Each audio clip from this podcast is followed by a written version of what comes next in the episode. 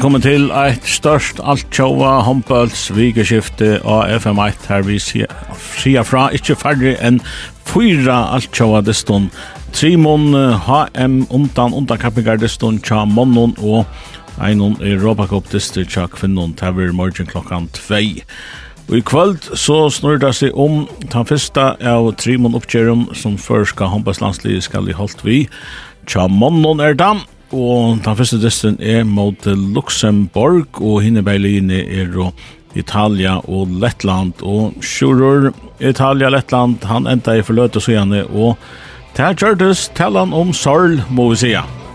Ja, må vi sija. 36-23 halvt i enda det gjørste det blei, Og jeg halte bare at det er sånn forsøk så som leikeren har sagt. Jeg vet ikke, det har du sendt ikke, jeg vet høyt i vikene som er rent sendt i vikene sier, Här är vi sport och några likar och det var sån sorts Italia kan vara omta. Där ser bra.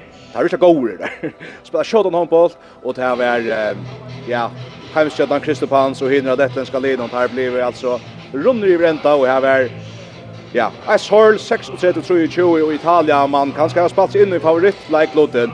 Eh, vi får ta sån neckman han tills i morgon, ta förra spel mot Italien i Visby, men Andreas Eriksson tog sost Atlant, distan, eh, Rean det så gitt till ledaren jag ja, Sinter faktiskt. Jag hade att spela otroliga showdown och gå gåan handboll och jag syns som syns som du nämnde här. Alltså tar tar renna simpelt en uh, lättländingarna om kort. Alltså han ner 1-13 i halvlek någon och här är det inte upp och för vi tog ju ett mål i förra halvlek. Här sälja ganska största profiler då Malmö är Dominico Eper fullständigt lockar av och ja, jag tar tar renna där nyer och ja, uh, spela öliga handboll. Så Italien Italien men tar uh, kunde skära in efter den första testen nu i HM mot Kapinjner och sätta sig i favoritklädboten också då. Eh, jag vill gott se att det blir öle överraskad hvis inte tar över mellan två till främsta linje i såna bulchen hon det är centralt över det så ja alltså gosse färger färger lika som spatt för spatt mot detaljer så nu har det gått någon gästen till sin fest men är sakna jag syns inte det av initiativ från Lettlanding någon alltså tar tar Ståbergen vann 6-0 alla in när och Aura går slash italienska spelet och jag följer Hassan Dyssen han var simpelt ändå på alla premisserna i Italien. Ja, vi får vite om føringene for Givis Karsberg Gang i morgen. I første hjertelig skole tar hosene seg om testen måte Luxemburg. Luxemburg altså som vi har spalt mot i ene ørgrunne, ørgrunne affæren. Senast, her har gått opplevelse til å være første HM Siren tja fyrjon, så jag nu känner åtta fors. Hesel siren altså för två ämnen 12 januar 2020 og da den første jo igjen er HM undan kappen. Vi kunne helt kjøtt uh, hva drøy kvart det er for en kapping. Det er altså første fas og igjen i HM under kapping som enda vi HM i 2023 om just et år. Tvei lik kommer vi er henne, så gjerne skulle ta i imot Hinos kommer vi er ur hese fastene. Kjem du vi er fra fra timebauen fasten alltså fra Heson och så till nästa fast i mot Hino hinom hinom bulka vinnaren eller så så bojar hamse lite han till Tejlin som inte kvalificerar sig i jöknen EM Men ferien blir altså här i förjon, då kaster fatt så är så föringarna fink og rattna skipa fyra og tog få det til framur gåa Hombols vikuskifte som sjåan de Eisne en häpnar i Heinefjärs kvinnor släppas på i Robocop Eisne här og i morgon klockan 2 för matchen vi Atlan Veien, Luxemburg vi får ta ta av kött och tar hva kvatt kan vi till Andreas. Ehm um, är vant en sigur, alltså ta ta man ta man bara se alltså det ska landslaget ska ska börja göra sig fast nu så i Luxemburg är det som vi måste vinna ta Ja, på pojren är det här vägast allie och så han det dysten vi spelar på pojren så så hade Lugan dyster som först ska lima för in vi ja vi vi vi fotlar koncentration och ta Luxemburg seriöst. Det var ju mer än 2 mål om månaden senast vi spelade då.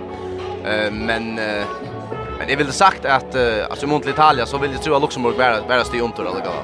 Ja, du tar som italienare och adress och hur ser vi Luxemburg? Ja, här är här är vi här är onkel profil här till till Luxemburgska linan som spelar i tre bästa och dalten i Tyskland.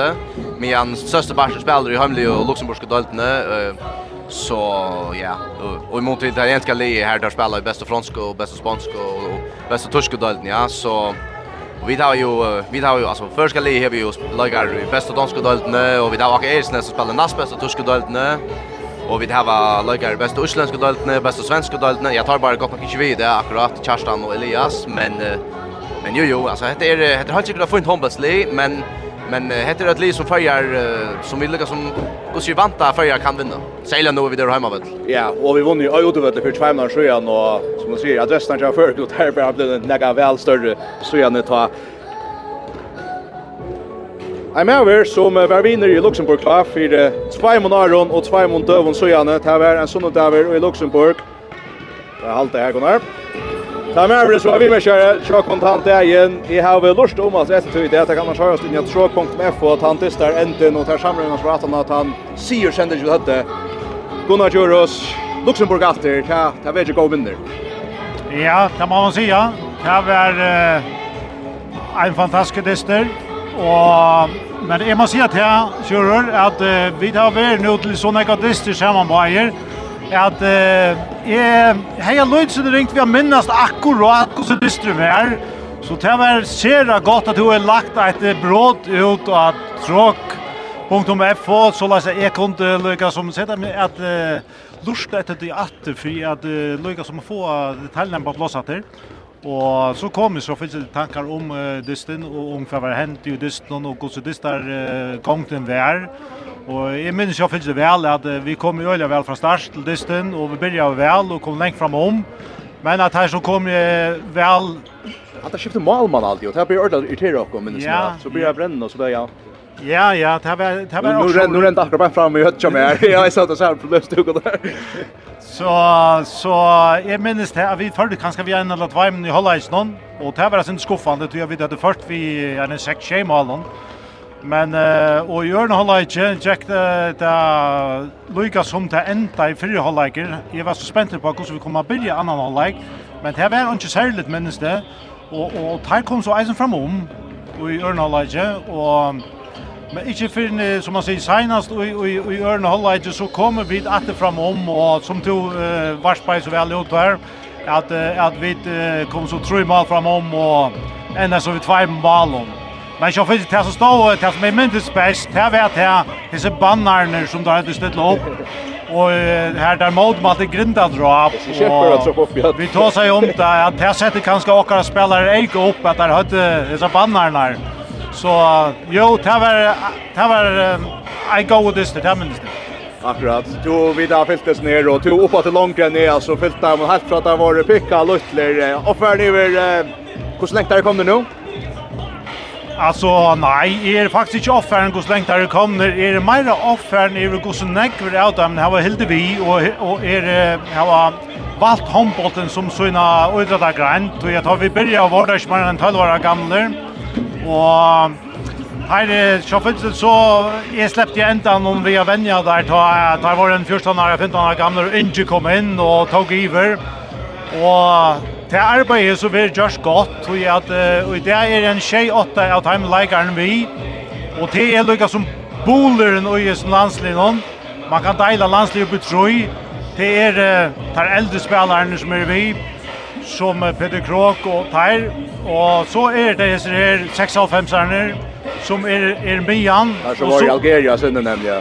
Akkurat, Teir, og så er det disse her unge som nå uh, kommer fram med og, og man må si at her var akkurat leikere donalier, eller Teir leikere, så er det hese ikke mindre donalier som kommer fram med Nei, akkurat. Kan man ta det i dag? Alltså jag ska vara helt ärlig och säga att, att um, nu har vi inte sett om om det är några bröjting och och och i Luxemburg linon om det kan något och gott att komma till.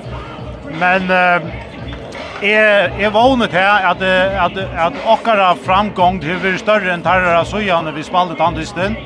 Jag kan i alla fall garantera för att att vi har haft en stor framgång så gärna.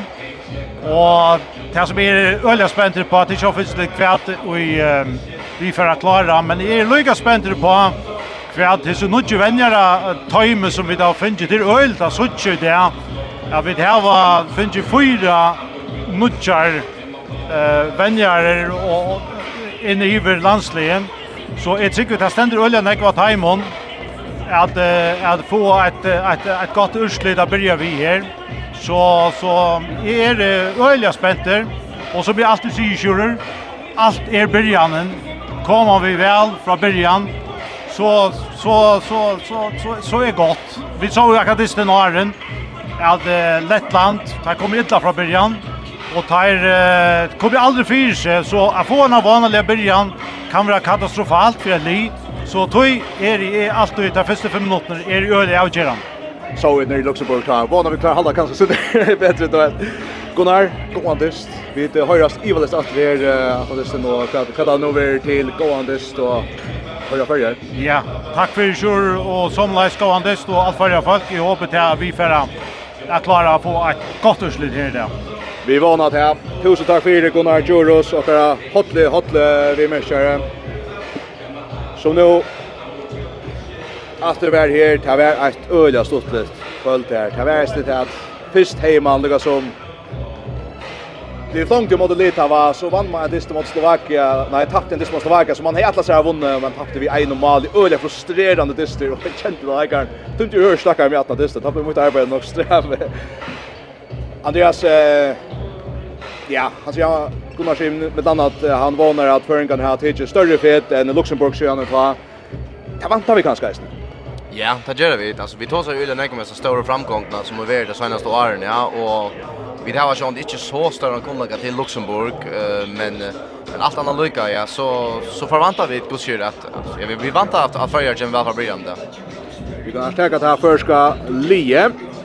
Och i färja boja sen det jag faktiskt finns jag fick en av den här när ser man chansen men jag glömde den det var här sån här sån ölja tatt med det kurs ska bli in för om plats men jag de för hon är det så är man till Helgita som Höjdal Schurer Olsen har kommit Hakon Westertajon Tyson Rasmussen Roker Ackerley Roberg Hansen Paul Jakobsen till alltså Malbergen som för by i det. Och är det att landstid någon för första sidan om vi ska förskriver juni eller ja art här fast mycket om det smakar också. Tyson fick en skia och Så blir det en trygg tilgang kom atter. Jonas Gunnarsson Jurus, Niklas Sachvel, Filip Jojic, Wilhelm Paulsen, Trøndur Mikkelsen, Peter Krog, Niklas Selvik, Paul Mittun en en debutanter, og vennerne til debutantene Peter Brestav Larsen, og hjelper seg Hevran Lars Møller, og så er det en, det er Tom Jensen som vi kjenner hjemme. Det tar vi ikke, han er Tom Jensen, og så Sebastian Kristensen i Abonsen. Alltså först det så tjej som nu jag vänjer tajmen som vi bär med att Ja, så vant han har tar är det ganska större än vi vann det har haft till alltså press ju att där liksom krövna till där större än kanske vi har haft till vänjar av första landsen nu. Ja, det går ju det största vänjarprofilen man man ser som vi har haft i förskon handboll. Nu det kör att näka för inne vänjar vi har haft, men det där Brest of Larsen är alltså en mäver som vill jobba vänjar till Ulrik Wilbeck. Och vi vunnit EM vid danska landslin och han har också blivit en dansk mästare vid BSV så det är öliga största namn och en ölig fångel för förskon handboll. Ska vi tåra att uh, cheata näka kva, kva vi kunde vanta av och någon ska bara börja till uh, till distribuera så lära då? Ja, det är Det tar väl så annan cheating här går ju, ja, men uh, allt annat lika så kommer nog ju vänner in vi vi några ting som han vill ha jag någon. Så det är helt säkert att vara andra ting som vi kommer att söka, som vi där så under under förvärande vänner som Larsen till att Ja, som väljare så så så är vi täckt att le men alltså då har ju den egna hoskott och den egna maten spela handboll på. Och jag vet inte, nu har vi känner ju några spelare rumla väl och vi vet att det är näck ims snutch things som där har arbetat vi. Akkurat. Och ja, och var värst. Vi ehm Alltså att uh, spela till Ice om några tank tusen sidor känner väl en gammal livfälla att AGS så att landstid någon. Det är alltid är ställa så jag efter för det första och sen lägger som ja han från Tyskland så kan han röna sig. Ja, så det är ju fantastiskt. Han är ju några goar i Island där med profil profiler. Men men i Island är spelaren är pastor professionella kan man säga. Ja, men men han spelar näst bästa nu i Tyskland. Ja, här är man fulltid professionell och han är man vill mitt där helt på och all innan som är fulltid professionell och det är avvärt att söka kvart kan han har last här till att till att han har lyckats en ölig försiktig försiktig som man som man är utför ju här till att här är allt professionellt. Jag kan säga att om Norstein Schweiz Tyskland det är ganska det är jag ser att han det är han stora det är svärt Premier League fotboll till kan se så. Ja ja det är det det ser ju till det bästa dölten i världen det där reklamerar vi och det är där ju ösnen härrasta, det tror jag stannar liksom man ser det det är mest kapping. Och här att handbollen har ju öligt lov i Tyskland det här alltså ja ja här Vi tar ju till dömes några spelare någon i Luxemburg som spelar i tre bästa dalt. Här är det ju ösnö alltså rymliga professionellt va så Tyskland är lika som ja det är mecka för handboll kan man säga.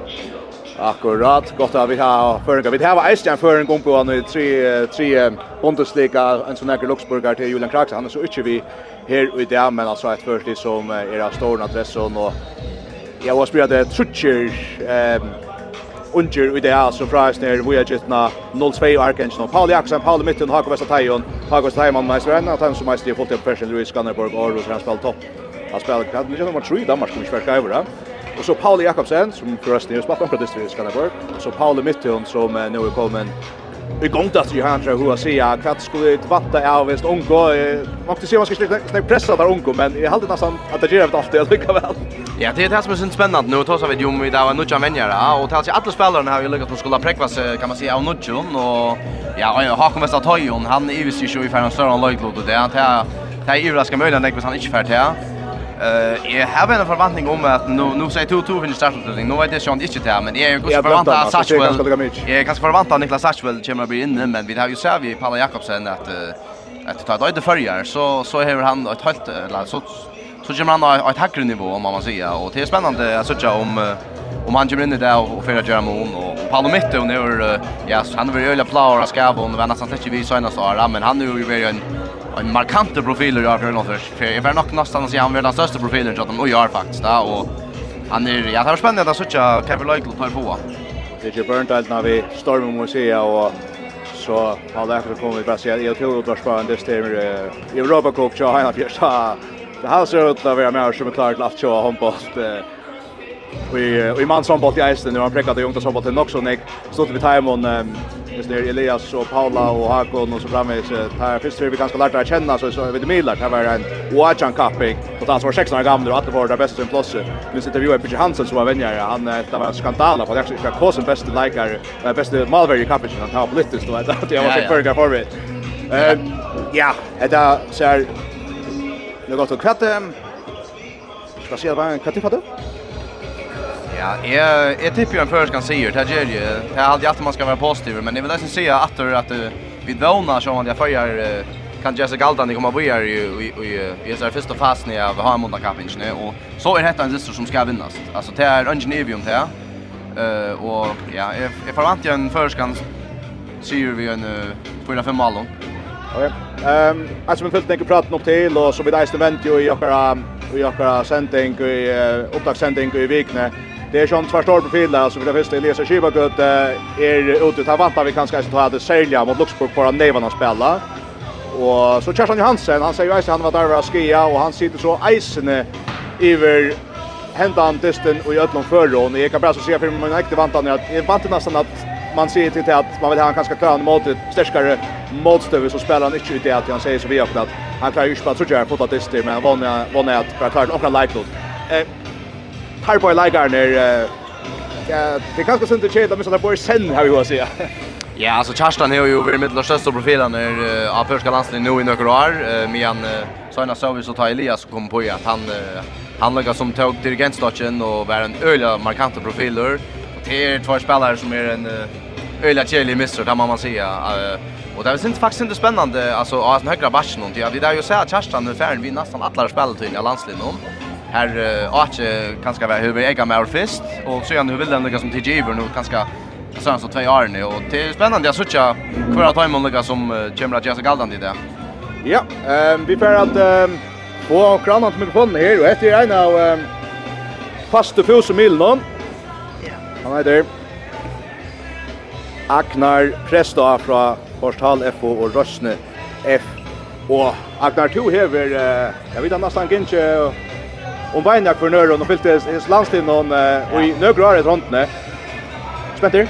Ja, ja, jeg halte... Jeg halt heter det de stora løt kan man säga att vi för gången har mot Gapping här man kanske följer att här man kanske köra visst för två månader sedan i Luxemburg och för förra året i Italien kvar vi låg men här vi kanske nu bättre vita att vi har en reell chans för att vi är i en sån i en sån Gapping och här vi så kunde komma spännande spännande playoff till 17 år och det är det som väl ner och det här vi där finns ju dysnar farger ut att Jerry Afton sin mer stoppet och och nämnt och allt så ja jag hade det är jag tror att de har ett spännande spännande då för för första matchen bara det kan vara koppar med för eh akkurat för vi där i löten till till till Angie om att det är männing det bara spårning går större mer. Kan inte vara visst där. Nej alltså jag hade inte det alltså det ska det ska gått nämnt att vara förra över favoriter det är alltid åter vi själva det kan säga det men jag hade det blir närmare Charlie Hampel att se att det är sånt med bättre det fett ungdomslansen i är eh tam sen i lasten i Melderson här London som Luxemburg där har vad det som som Andreas säger det det skulle vinna det är det inte vi ser vi att lag så att och det. Är hinner bara dyster som är vara tungt. Och själva att han i morgon så här så så för det snart det Italien så att vara och så att det är nog grupp bättre än Luxemburg men nej nej Lettland jag men jag vant ju en dyst som här blir färd vinna Men det ska ju inte med att vi manglar två öle stora profiler alls parsen och en varje parsen alltså Elias Chipa kan dra att han ska komma in och i dysten där mot där mot checka som vann och kom in mot som mot Green och fick bort han. Charles Hansen alltid var utan se för nej kallar bästa allspelare i under vi är där. Eh och Stolt Brandt har alltid en viktig världsspelare så Så det som man inte undermäta och så det är ju något Det till ösa faktorer man tar vi men här ska så se att i halvdan för också ska toja att arbeta. Där vi att vi ska in tulja och i sommar han är i samlingar i häst och tar av samman en tvär veckor här. Jag de corona han förstår men det är att att han vänjer så kan jag tro vi en hopp i allt så och utdrag är kanske nog så vanligt så är vant att ta kan bli för mycket. Du är väl prata vi likar och samrör vi likar och vänjer hur hur smärs du hopp någon att stämningen ner av hur så alltså jag det är anstiv om man man är syns mer spänt till den nästa som man är till en klubbtest och ta måste bara spela hemma och det och i halvtid jag tar lite spänt att komma till golvet kan alltså präckfat här att att det är också snacken om man först går an på att visliga vi fram. Eh så ta alla alla som är syns genialt och att att det är något som det ska vara.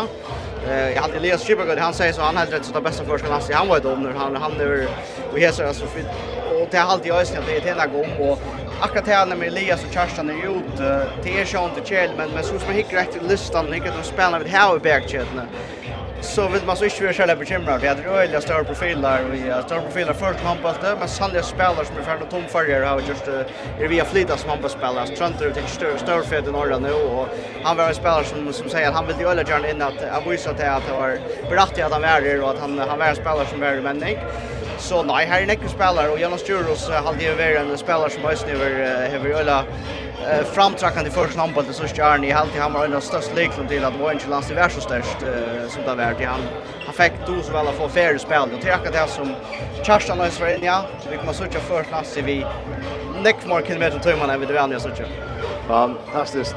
Tippa. Ja, så jag vant jag vet jag vant jag vill vinna och jag vant jag att lite kommer lite i mitten kanske 4 6 mål här och life för vara realistiska. Jag vant inte att vi kommer så tjocka blåsa Luxemburg och Scotland. Det är för någonting som vi kanske kör ju finns ju full större än. Men utifrån hur man känner det störst för allt och till det att hitcha det kan spela vid här var nu. Eh kan kvalitetsvänner vid här var nu så är det jag vill vinna det som några mål. Så det här live kanske lite. Så kanske det mål jag blir bara för sån där Ironfest det Det är förra. Ja, det är det. Fantastiskt. Det är Agnar vet klick och nåt dessa tunna från sökner och Ja, jag glömmer sig då så innan jag lustade sen till att stå för Och där samlar till för att göra att han har portal FH här blir Eisen samlar över här kommer ut där innan Milan här. Eisen Eisen i hene. Tusen för Agnar går antist. Andreas han är Agnar Sira till samma. Jag vill ju säga som det är att för er förrättar och alltid tippa någon samma 4-6 mål alltid han säger.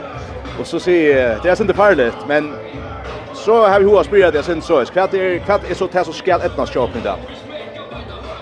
Ja, alltså vill säga för jag vinner en handboll så man går ju alltid ha gott mamma spelar gå varje. Här så vid att Lettland var gott dömjun på att så vinner man inte några handbollstest, har man ett 6-3 mål in. Eh men alltså det handlar väl väl ja alltså få få få en goda början nästan som som Gunnar Joro säger ja det är rättliga tydningar mycket eller som att få en goda början då tar man ska samlas då länk vikskifte och spelarna finner någon annan på den vägen. Det är ju spelare som gott några spelare som känner väl kanske några av men där spelar inte man tillsammans lagligt då så det är till till rättliga tydningar mycket och ja och sen bara spelarna som minns att nöjda där spela spela i förjon och några som ja ja inte inte ha förniga nerver inte inte vara där var att tog Akkurat, lägarna för att vara klara komma ut av vötlen om skamma stund, och så vill da tjåsa en kjur og Jag har vi hva spelat det ena för att tre att lägga på Luxemburg, när lägar vi ska ta EV. Eh ja, alltså så som är har väl se att de luxemburgske lägga er och så hekthøl, så är det største all in är faktiskt vänker ner Tommy Wirtz är en rättliga tvinngammisk leikar, så han minst vankor. Eh och så är det en som heter Daniel Scheid, som är høyre vanker. Og så er det Østnis i Rafael Goten som vi tar oss om, som er rettelig onker stora profiler, som uh, var toppskårer mot Førjen senast ved seks malen. Uh, han aldrig bara varit 18 år gammal. Jag hade tänkt att han kom in där i orda vände visst där. Han kom in i sättet han, man är tro tror vi liksom hanterar han kom in också till den här Mavren som vi tar sig Gunnar och vid örmna sådana så där minnas Brasil. Ja, och han spelar nu tre bästa död nu i i Tyskland. Ja, Tajera Tajera är Tommy Wirtz ösne rätt stor profil i prova hitcha Så en statist het Lee Jones spelade fick han åtta mål så det är det är några profil profiler att annars är det kanske ösne Luxemburg är kanske ösne Tali som vi känner minst till så det tar ju helt över har för fakt ut ur det här runda kampet som fejrar vi i tar fejrar mötte Ukraina och Ryssland och eh Tjeckia. Eh ta tappa tar en en dus Estland om att komma oj där alltså det är till man kan till något att lax rangera i Ali och i i Balchen Lägarna för att komma gänga ut med så tjat där och jag har att jag inte där gå ett det är avvärst det som man ska gå ut i att jag hoppas att jag sa. Ja ja. Så det är det händer näck att vi kulisserna lyssna där men ser det så där.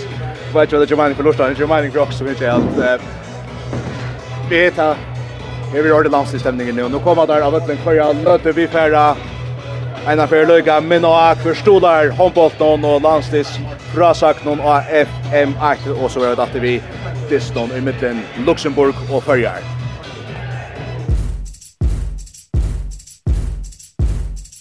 FO. Gjør Orsko til førska håndballslagslige. Håndballtrinn av FM1 er sender i samstarve vi, Faro Agency og Vestpak. Og i drotteren av FM8 er sender i samstarve vi Movi. Dystuner er stolar av Tørsjana kommune, Arstek Import, ein veitare til nastan alt, og FO. Ja, og så sett av datter til Andreas og Sjur Kjersvall. Jeg kan, eh, så sier vi dårst herne at uh, Lagan Irs kommer inn enn, men nå, dempa hest. Jo, la dere høre her. Etter så, jeg har jo mest en slag i et faktisk EOF-lag, for skjøver det blir så dejligt när jag hör allt det. Det ofta och ofta Andreas, känner jag. Jo, det är nog vet man, nu är det alltså och spännande jag ska ha. Det er Luxemburg som komma in fremst der. Här är Tommy Wirtz som er en halv dag vi tja Andreas er Lichibare leier Lien, og så er det nummer 1, han heter Chris Øyker, er det også Chris Auker för en enda där. Mila Sintrivic, Marcin Müller, Rafael Guten, Josip Ilic, jo Joe Schuster, Kristoff Popesco, Tommy Wirtz, Daniel Scheidt, Scott Meyers, Adel Rastoder, Loik Kajsen, Jan Hoffmann, Felix Bertel og Mika Hermen. Og her kommer så føringene Råkur, Ekran og Leier. Først skal landslige av Vøtlen til Tonanar av Tur. Sjøene etter Råk, så er det der Helge Hildarsson Høydal, Sjure Olsen, Hakon Vestatajon, Thais Hotten Rasmussen, Roeberg Hansen, Pauli Jakobsen, Aji Eisnes, Jonas Gunnarsson Djurus, Niklas Satchfeldt, Filip Bjørk, Willan Paulsen, Sønder Mikkelsen, Peter Krom, Niklas Selvig og Paule Mitthul. Og så var det på i velkommen. til VM i 2023 og i Luxemburg og Førjar. Tarmanaline er det først for Luxemburg. Vi skal starte med en team fra Luxemburg. Vi starter med Ikke ordentlig folk. Her er nækka av folk som nå faktar Luxemburgerne som vi har drøpt opp. Nummer 4, Martin Muller. Nummer 6, Martin Muller. Klaus Eichner 7, Josef gang. Felt om omståndar Andreas Corona, sånn det arkar, men det kan godt komme til å bli en god stemning blant det. Ja, jag håller det så där. Ja, det är ju OF vi corona, men eh alla går all glädjeligt att vi det kunde samma som ingen kvar att man lugga kan kalla dem hemma det Här vi öliga spelat haft där åtta några avskår. Corona här är arka första håpen, så vet ni här skulle så alla vara blunner bridger som är vara smittar som är sätter halt och det är så ordiga näka. Vi vet som det så in ja just från någonstans så man vill sauna och börja lunch i bänt. För att det ska få en av appen gång på hur ner i hur ner i öppnet till att Början när jag blåa rött upp för alla då. Så att det jag måste ju man och Jakobsen få året som och faste fjoser till. Hör så. Nummer 8 och Lisjeberg Rokor Erklalund. Nummer 2 Helge Hildarsson Heidal. Nummer 3 Sjuror Olsen. Nummer 4, Hakon Vestel Tajon.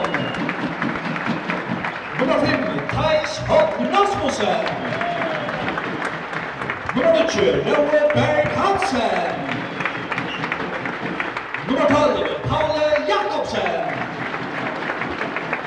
Nummer 14, Archie Eilsnes. Nummer 15, Jonas Gunnarsson Toros. Nummer 16, Nicolas Searchwell. Nummer 21, Filip Jojic. Nummer 22, Wilhelm Poulsen. Nummer 30, Trøntor Mikkelsen. Nummer 45, Peter Krumok. Nummer 45, Niklas Hjelvig. Og nummer 21, Palle Mikkel. Og venner til følgen er Peter Bredsdorf Larsen, Lars Møller, Tom Jensen og Sebastian Kristensen. And the referees, they are from Lithuania, and they are Justas Ivanauskas and Edvinas Jensevisius. And the EHF referee delegate. He is from Iceland and he is Christian Haldorsson. Og det er træt her reist jeg vil jeg av et nå første liv som heter Jon J. Marshall støtter Nilsen. Så hadde vi tenkt at han åpen dyr. Så var det den luxemburgske tjåsang. And we start with the national anthem of Luxembourg.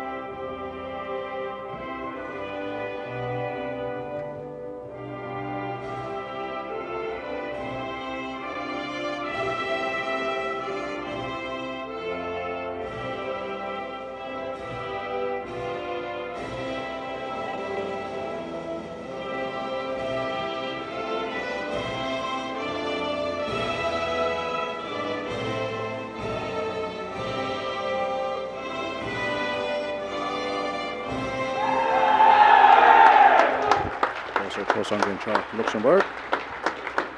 Så har vi 12 fra landmål.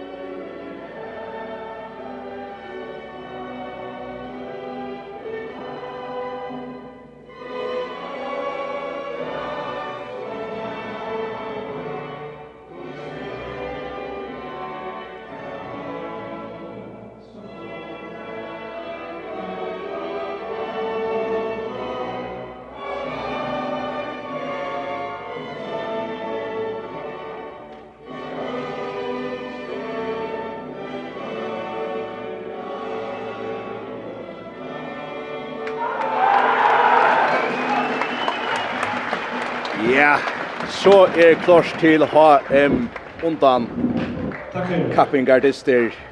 To ensure fair conditions for players, Kavaljoma, så færa leikar nere og tjøtjen, og så kan du se at det går byrjan her, oppsettingsna som hon verur.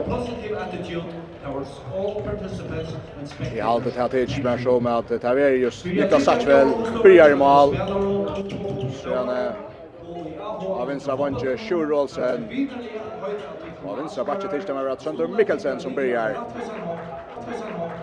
Sjön är det krok och Helge Lassen Høydal och i Miverne och högra backe Wilhelm Holsen och högra vanje Hakon Vestad Tajon. Så vi där vet att och i alloppen någon som skiftar så vidare. Jonas Gunnarsson Djurus kommer in i alloppen 4 Peter Krog. Tack så mycket Andreas. Blir det noen stund Ja, og hatt det er uh, ikke så øyelig overraskende. Kanskje Luka Trønder Mikkelsen er uh, kanskje synder av en men uh, han har ofta vært rettelig gode dikter i vergene, og vi så ikke til dømes at uh, farger, uh, farger hever, hever, altså verge, og altså minst så igjen er vekk fra bansjen, og det kan være tog at Trønder Mikkelsen til dømes er tydelig fram om en som Filip Jøyes til dømes, uh, er vi. Ja, vi får börja i Allovet har vi säga att så börjar vi att Billy Clark sitter av bunch då. Det är rätt vi var mycket här köttet nu att i kapellet det är att kan var kanske det största charge som var under senaste landslagsvänjaren. Det var man var rulliga vid Jörgen här Petra var tvåare. Nu börjar jag så treare som näck efter det och ska så se att vi sport åt landsvägen alltid på det var svårt för sig ta. Men nu är det nog landsvägen han säger ju Peter Tus spelar i Myrvärnet. Kan ta där? Jag hade till rulla förnuft och alltså det jag säger Peter Krog är vi syns inte allra bästa väglökaren i första dalten. Det Arne Arne Anderberg så är han mitten där allra bäst och och det alltid att det är rättliga klart han ska täcka mitt. Det var ett en attorska här Charlotte spelade jag med i BF och Robert Hansen var en av vinstervånker och en av vinstervånker och Alasen nu är Charlotte. Det finns inte där. Det är ju galt nu. Ja, det är det är rulla flott och jag hade att rulla väl förtjänt. Alltså sure över ja, men blev bättre och bättre. Alltså vi F var han spelade med mig men det var nog mer av, av nej än av att han gjorde det för inte min. Ja, men sure vinst vankor och en öliga Donald vinst vankor och Det är ganska värt applåser som man kanske över inte mest spänt på. Det är alltid han och Robert Hansen har varit jävla jauner och spelar ju så mot allt och det som har skift nog snäggar. Inte varit något helt grått första väl så där. Och ta såna så förra spalt då så er HM undankappingen til HM i 2023 Bruksla i gang. Førjar i Alupe, Sjuro som vinstra vange, Trønder Mikkelsen vinstra batje, Jonas Gunnarsson Djuro, Kipa spelja mine, Willem Holsen høyra batje, Hakon Vestatein høyra vange, Helge Hildarsson Høyga, Lina Strikti og i malen Niklas Satchveld. Førjar byrja her, Trønder kommer inn av mina, Leibra, fram i til fyrsta mannen, hvor er Jonas, Jonas ut av vange, Sjuro, pura, pura frøyar, 1-0 til Førjar, Sjuro Olsen. 1-0 til Førjar, Sjuro Olsen. Bra lukk fyrst allop. Vi har spalt i mark 4 kontor rätt om börjar. Perfekt.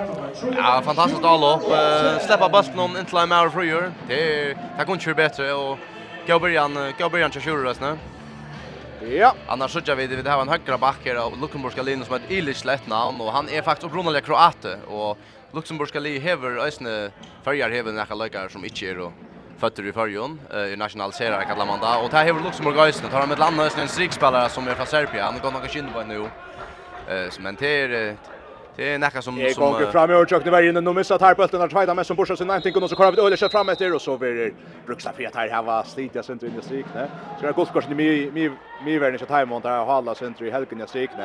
Och helt annars att tukt tukt starta det ser ut till att det ser gott ut där första minuten vill jag säga. Vi har spalt i halva mot rätt om förra för albumet.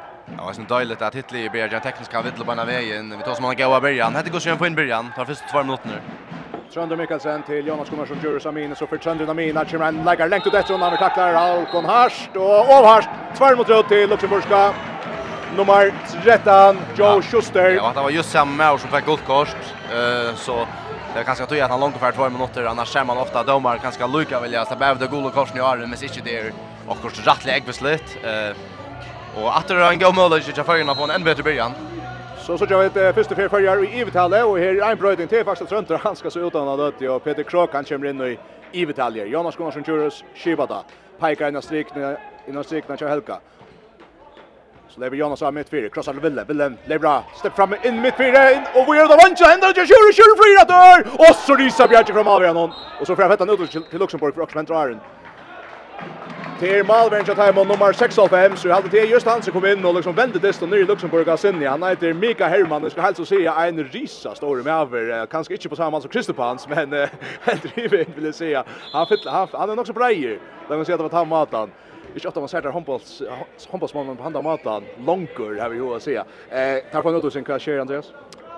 Ja, det vi det vi vi kör ett övertal och Willem kommer nu med mina och ja ja han han vill han vill teaching för han spelar lugg han för Alvin ut show som uh, tyvärr bränner och men uh, efter en en god mål nu för jag alltså för jag två mans övertal gott nog Sean det tar hitler i upp så kanske vi tar någon man ut så nu är det 6 mot 5 och här må Luxemburg simpelthen inte få mål. Nej, det var där mitt fyra så upp till högre till ner Ilic annars är Martin Muller av Mine Shiva spelar på sin mot vänster. Det är de måste på till och clear. Det är 16 som damer på gott ända står lägaren från där står Luxburg lägaren från Dustin på 5 där sjön. Det var där mitt fyra underskott och det har gått underskott och sitter direkt ett. Ett ett Luxburg Jaunar. Det kan inte göra det Andreas Tarmosen där får mål här synd last men uh, bulten sitter så så som man ska. Ja, det är ja, det är så irriterande om vi syns nästan sats på gång grot uh, till sin mamma vänner och det stressar inte vi hört någon att det är rätt irriterande. Vi kör ut spel spela det två givet hade Hakan i köknen och han där blir himmalagt in. Sätter bulten in om Malvärjan vid främre stång. Vägård 2-1. Skjuter mot partner, 2-1 till Kyrjar. Ja, väl avgrätt och vi vill ju gärna ha väl till så stöden skulle vara väl avgrätta resten. Ja, alltså man kan säga så han det är kanske nog så Nog så nämma trader nu tar man 6 mot 4 men uh, alluga var lilla gott att söka att här gott flow för ska alla upp någon och komma fram till en risa möjlighet till Hakon och Hassar Hassar bränner han inte. Sveja till förjar vid spalt i halvan fjärde av minuten och kvar nu blir Sunder shot shift här så god den ut i vänstra backen vinstra vången kommer runt åter. Vi tacklar bilden på så vi går tackling.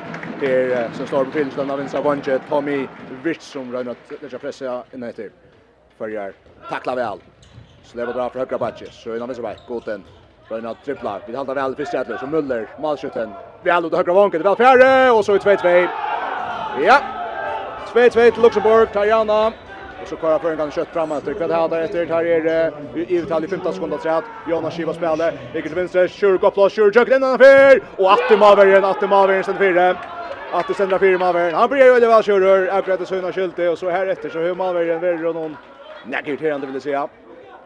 2-2 i mitten Luxemburg och Färjar att det spel vi annars men att alltså vi kommer fram till en god chans och till tackar man sjön glädje om men sen det här där vi inte får gack nytt att det är stora uttal här vi drar två flöjder.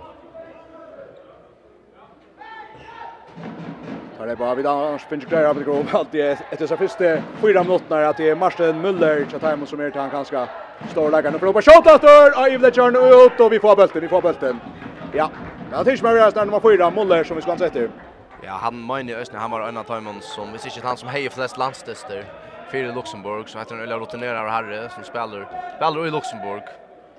Eller Luxemburgska dalten, ja. Nu så jag att Trond Mikkelsen kom in attor, och nu kommer vi så att attor, ett vanligt först alla spel här, man inte givet här. Ja. Jonas Jurs av vinstra backe, så skiftar han om Trønder. Jonas kommer nu fer inn mitt fire. Det kan Signe hvor Trønd, Trønder innan til Helga. Signe Helge Frøyer, og så utrøy 2 til Frøyer. Helge Hildarsson Høydal i Sigemale, vi har spalt av. Her må spelar vikingspillerne vi hoa sier, Trønder til Jonas, at Trønder så til Helga. Ja, annars vil jeg merkesvært ganska at Frøyer har haft fem skott og ikke skåt skott fra en backe, enn til Öliga Kjolsan, förra det första skottet var av Enkron och nu är det så strikkan, men... Jag vittnar om att det är väl flott om Jalo. Ja, ja, det är just det, och så Men där var man också väl lunch för någon backor för att köta. Så i två till förjar vid spalt i halvan satta men åt här mot Luxemburg. Så det går inte där man crossar till Illich. Det blir på skjuta och Stunsta och Niklas Färan, Niklas Färan. Vi får bulten. Så fram framåt där Niklas Luxemburg efter. Så kommer för skott framåt där. Sönder Mikkelsen, hickar till vänster. Här Peter Krog, Peter in i målet. Det är plats så får jag högra back och tar om kommer mitten ända till Niklas Färan, Niklas Färan. Att det var synd till vand all allop. Eh Tröntor visste inte orlak vad han skulle allra till och Peter Krog för en motor och ja, kommer det sen hållfarlig en bult här som vänster vanker nästan för förståeligen men Per typ efter bara lägga korsan åt linkast. För skal och skipa sig annor John Trönder Mikkelsen av minnet till vänster till Jonas Djurus. Så Trönder är så lägger till Wilhelm. Jonas och Tröntor spelar samman innan Fer så kommer att skifte chatta mot Jonas in mitt fyra hötter så vill Tröntor bara skjuta och Malvern till Malvern till och han författar och nice så kommer ju Luxemburg fram framåt framåt tror jag för jag vid spalt i halva kända minut kommer där goa för framåt till Janot Mer nummer 22 cross över vänster i kotan pura fröjer och Niklas Bjerging han rör lopp i mål och pura fröjer med Niklas Färs stäva bulten borster Fyrja får bulten att så länge bulten ut löpt ju och ett han öde vår för Salvingen om man gänga galet chokol men Fyrja får hotna kast till Peter ta Vonker til time on fair, slipa til Neisan. Hodna kastar fyrir, trúi tveit til fyrir, við spalt í 26 minuttir.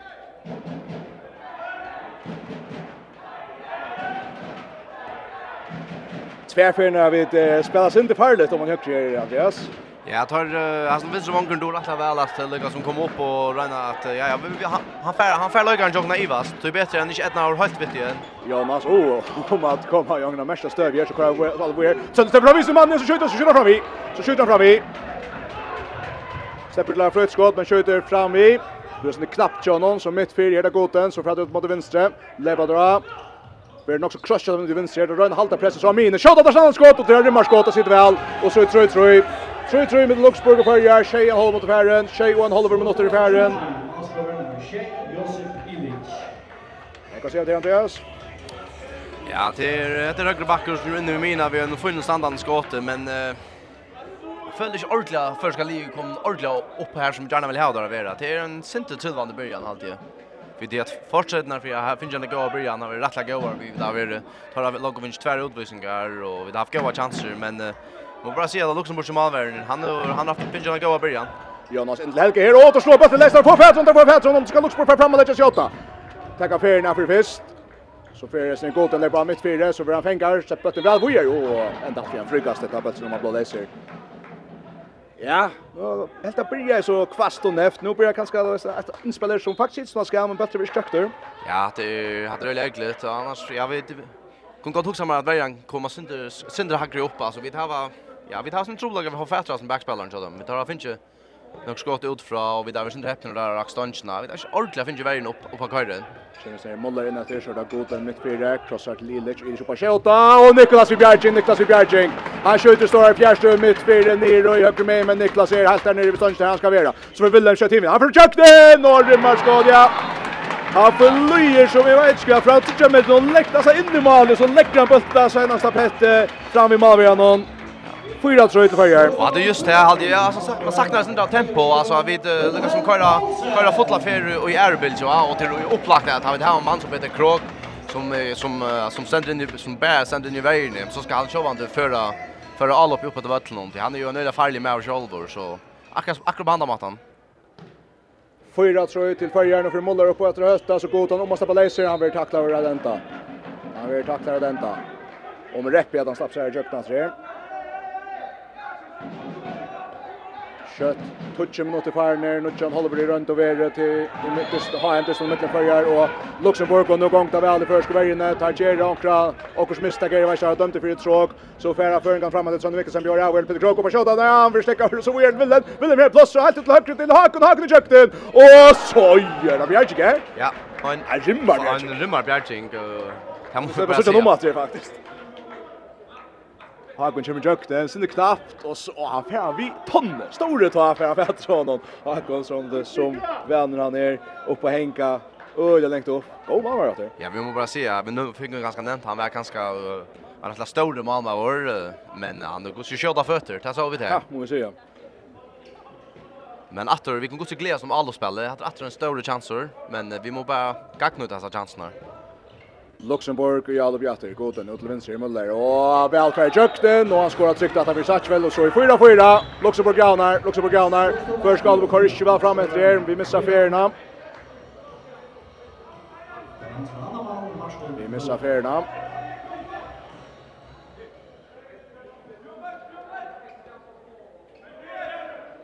Skipa kan nutja.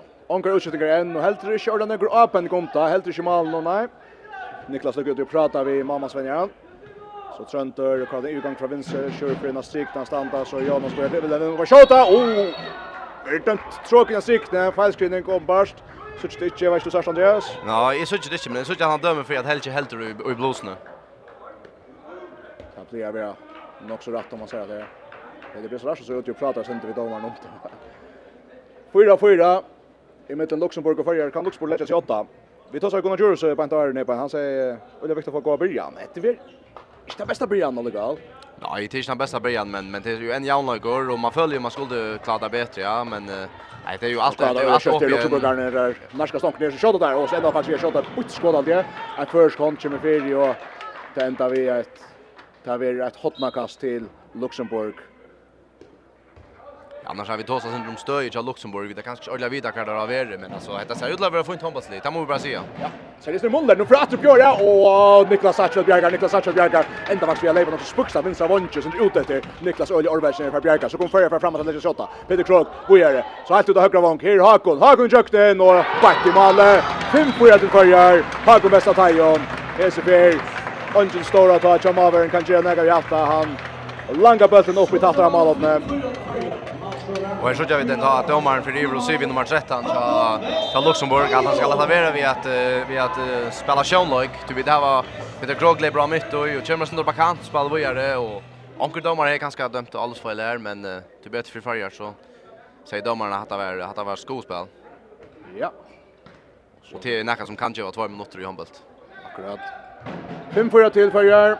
Oliver vårt mot Färnor. Muller efter. Aj, han snyter rakt. Han snurrar och kommer han fint mitt fyra från Jökten och skorar själva. 5-5. Luxemburg gärna att vi är där. Martin Muller. Muller. Som Muller tror jag. Det är så det är vad säger Känner han inte som säger att det är inte lägger av största adressen någon som man känner det inte utan så att det har vi där Lars pratar om nu tar vi där fyra på punkt Nej, han spelar för Esch i Luxemburg. Det är topplig i Luxemburg. Det här har vi alla kan det är faktiskt ja, här är några lekar så spelar vi efter topplinjen. Annars ja, som vi nämnde Arden så är det flesta spelarna av Luxemburg Lind för spelar i Luxemburg. Och Jonas oj om att Stefan Jökes som han tacklar och så om att uh, sluta sig läsa och kasta bollen mot uh, Malnon Atrom de Richen men uh, Sportsanch Borgör frukast till Färjar. 13 minuter kvar nu gott här. 5-5 mellan Luxemburg och Färjar. Jonas Utlöket till Villen så trönder mitt fyra innan Björn Krossar. Da flyter sig mot høyre til Willem. Øle Agen kan taklingar her, og det ettas vel. Det ettas vel. Først skal alle bli troplegån. här hever, som Malvern sier, domaren hever först hånden upp Här måste vara under fem elveringar efter allt. Jag hade armen ner nästan akkurat kom upp. Vi hade antingen fyra eller fem elveringar. Annars kunde jag ha sagt hans vi hade här. Vi det här var Martin Müller som faktiskt är sånt och hellre i villen. Så då vill lämna att till Helga så ut till och Hakon Ölja spök. Stå det är så vackert skåra högra vunchen. Och inte så mål för högra vånchen utan en av match fram till Eriksson. Vad säger du? Ja, vi ser bara man är inte bruk för en stor vinkel att man kan hoppa så långt in. Ölja Ölja väl skott. Bulten skjuter för Ottalia upp i långa hörnet och Ölja vackert mål och så som kanske för nästa som förrän det här var träna Arena. Det vi såg ju att att är en en en en innovativ detalj så som där har träna Arena och det är ju ofta rätt som har lyckats gott få ett skott från en nonche som kan leva så långt in som en öla pressa om backskott. 6-5 till förra Hakon Westerhagen vi ena någon framöver Bökron vångskott ur högkrom. Så han lever nu åter. På vänster. Längre fjärste och och bollen stöcker upp i loftet han till tvärs sig och vidare en kast på Jamine. Förjar få en kast här. Oj, här skott bollen fick ett öde flå fram vid loftet på nötterna. Ända vet det ut till helt att Jamine. Bollen tar tvärs sig och Ja, så går det rushningar. Ja, nämligen. Svär, Roger Akralina strikna för Helga Höjdal och så Peter Kroken för Trent Mikkelsen och så vet ju väl han ska lägga ut av Borcha ska Harsbecks. Annars annars har jag ju helt oöppnar vi vi stänker någon. Det var det är för att det när med Müller där kan stanna. Det heter väl alltså i det järn. Jonas Juro släpper fram ett fyra finner bilden. Åh, bättre läser, bättre läser. Han får köra till Jan Tilsen och så kollar han. Den kommer fram där Sitter Oliver Altar Jökten. Och där skorar han 6-6. Kors her færre 6-6 i mitten Luxemburg og førja førja kvar kjøtt framater. Det kan gjøre der. Røyne ut for Ron Peter Krog. Lekker trøystar! Rymmarskått!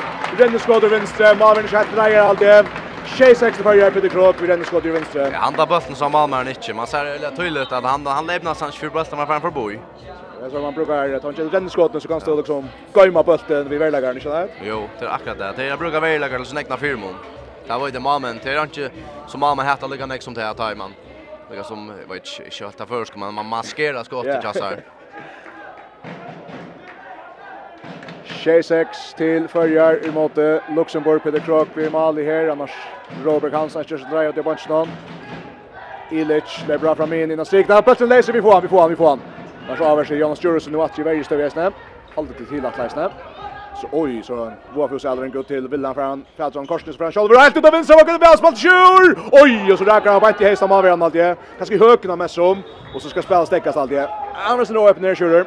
Ja, att det är Scholz har lite näka säga. Eh Jag tycker vi vi sen kör bränt ett skott just Aron så så tycker vi han är finch finch mål och det så ja jag mamma är ligger som in i hötten någon där och mamma ständer ju fullkomliga fyra och han räcker han mest som i brinkarna eller 6-6 till förjar.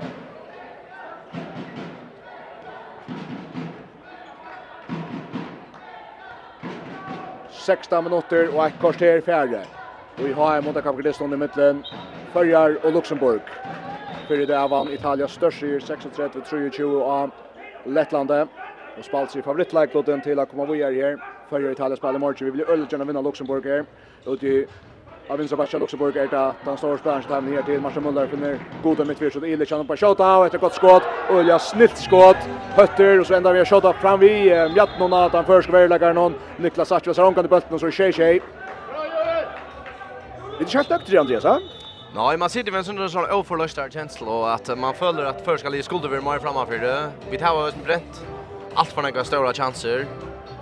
Och man följer ja ja, att det är inte Jag sen det spett men men alltså hinvägen alltså Disney är fullkomligt öppna en stående tjej tjej och så spelar så känner vi dock inte att vi är för. Nej, jo, alltså vi har ju vi kommer ju fulla så fram till chanser. Det är typ bara ena för armarna kommer upp och jag lall upp med det haft och så till lika vi det synd nej var det i skottstå.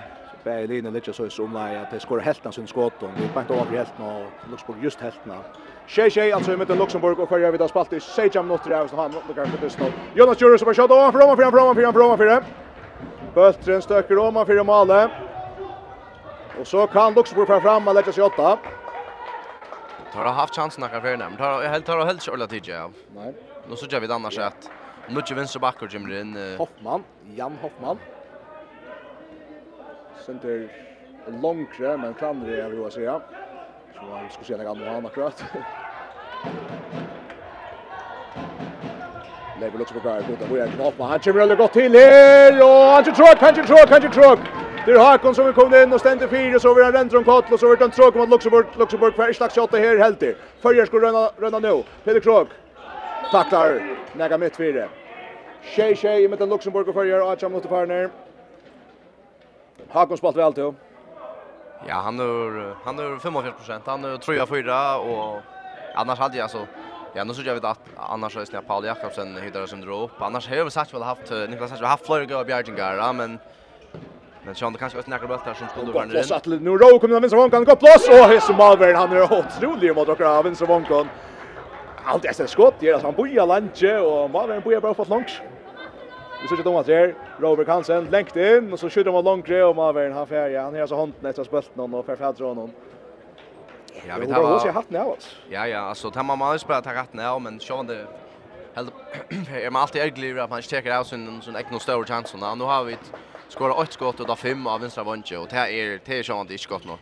Tjej, tjej, i mittlen fyrir, Luxemburg, Luxemburg, Røyner, det 8, Tersh, 4, 8, Justus, Nån.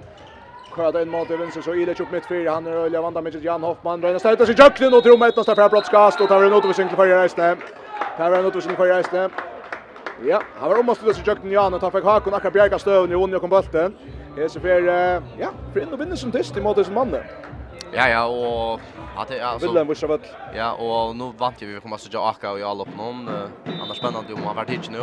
Bra skott till Luxemburg Tommy vi steker och han skorar tryggt och givet day. Öla öla tryggt straff. 8 tjej till Luxemburg, följer 8-4 av första Sinni och Andreas som alltid pura rätt. Och att Esnes kommer in till sin första landstest och i jag hållt sig här alltså. Jag var mot Ukraina ta Avario i Nujchan. Ja, det var Arn Arn Färjar spalt några lasses för ju. Ja. Akkurat. AJ Esnes mitt fyra här. Roger Akalera stig, den kommer runt och gör tiden skiftet så Peter Krok av vänstra backen. Och har att Oscar Nice ner till Hörby Rato. Jonas Djurus högt till Arda. Aje, vi tacklar högt, släpper till Jonas. Så Peter Krok, vi möter högt av Ötleiste och tacklar, tacklar, tacklar väl. frukast börjar. Roger spelar på Peter efter. Så Aje, han skjuter honom mot, det brukte en Elvin. Jonas bryter mot i högt till Dag.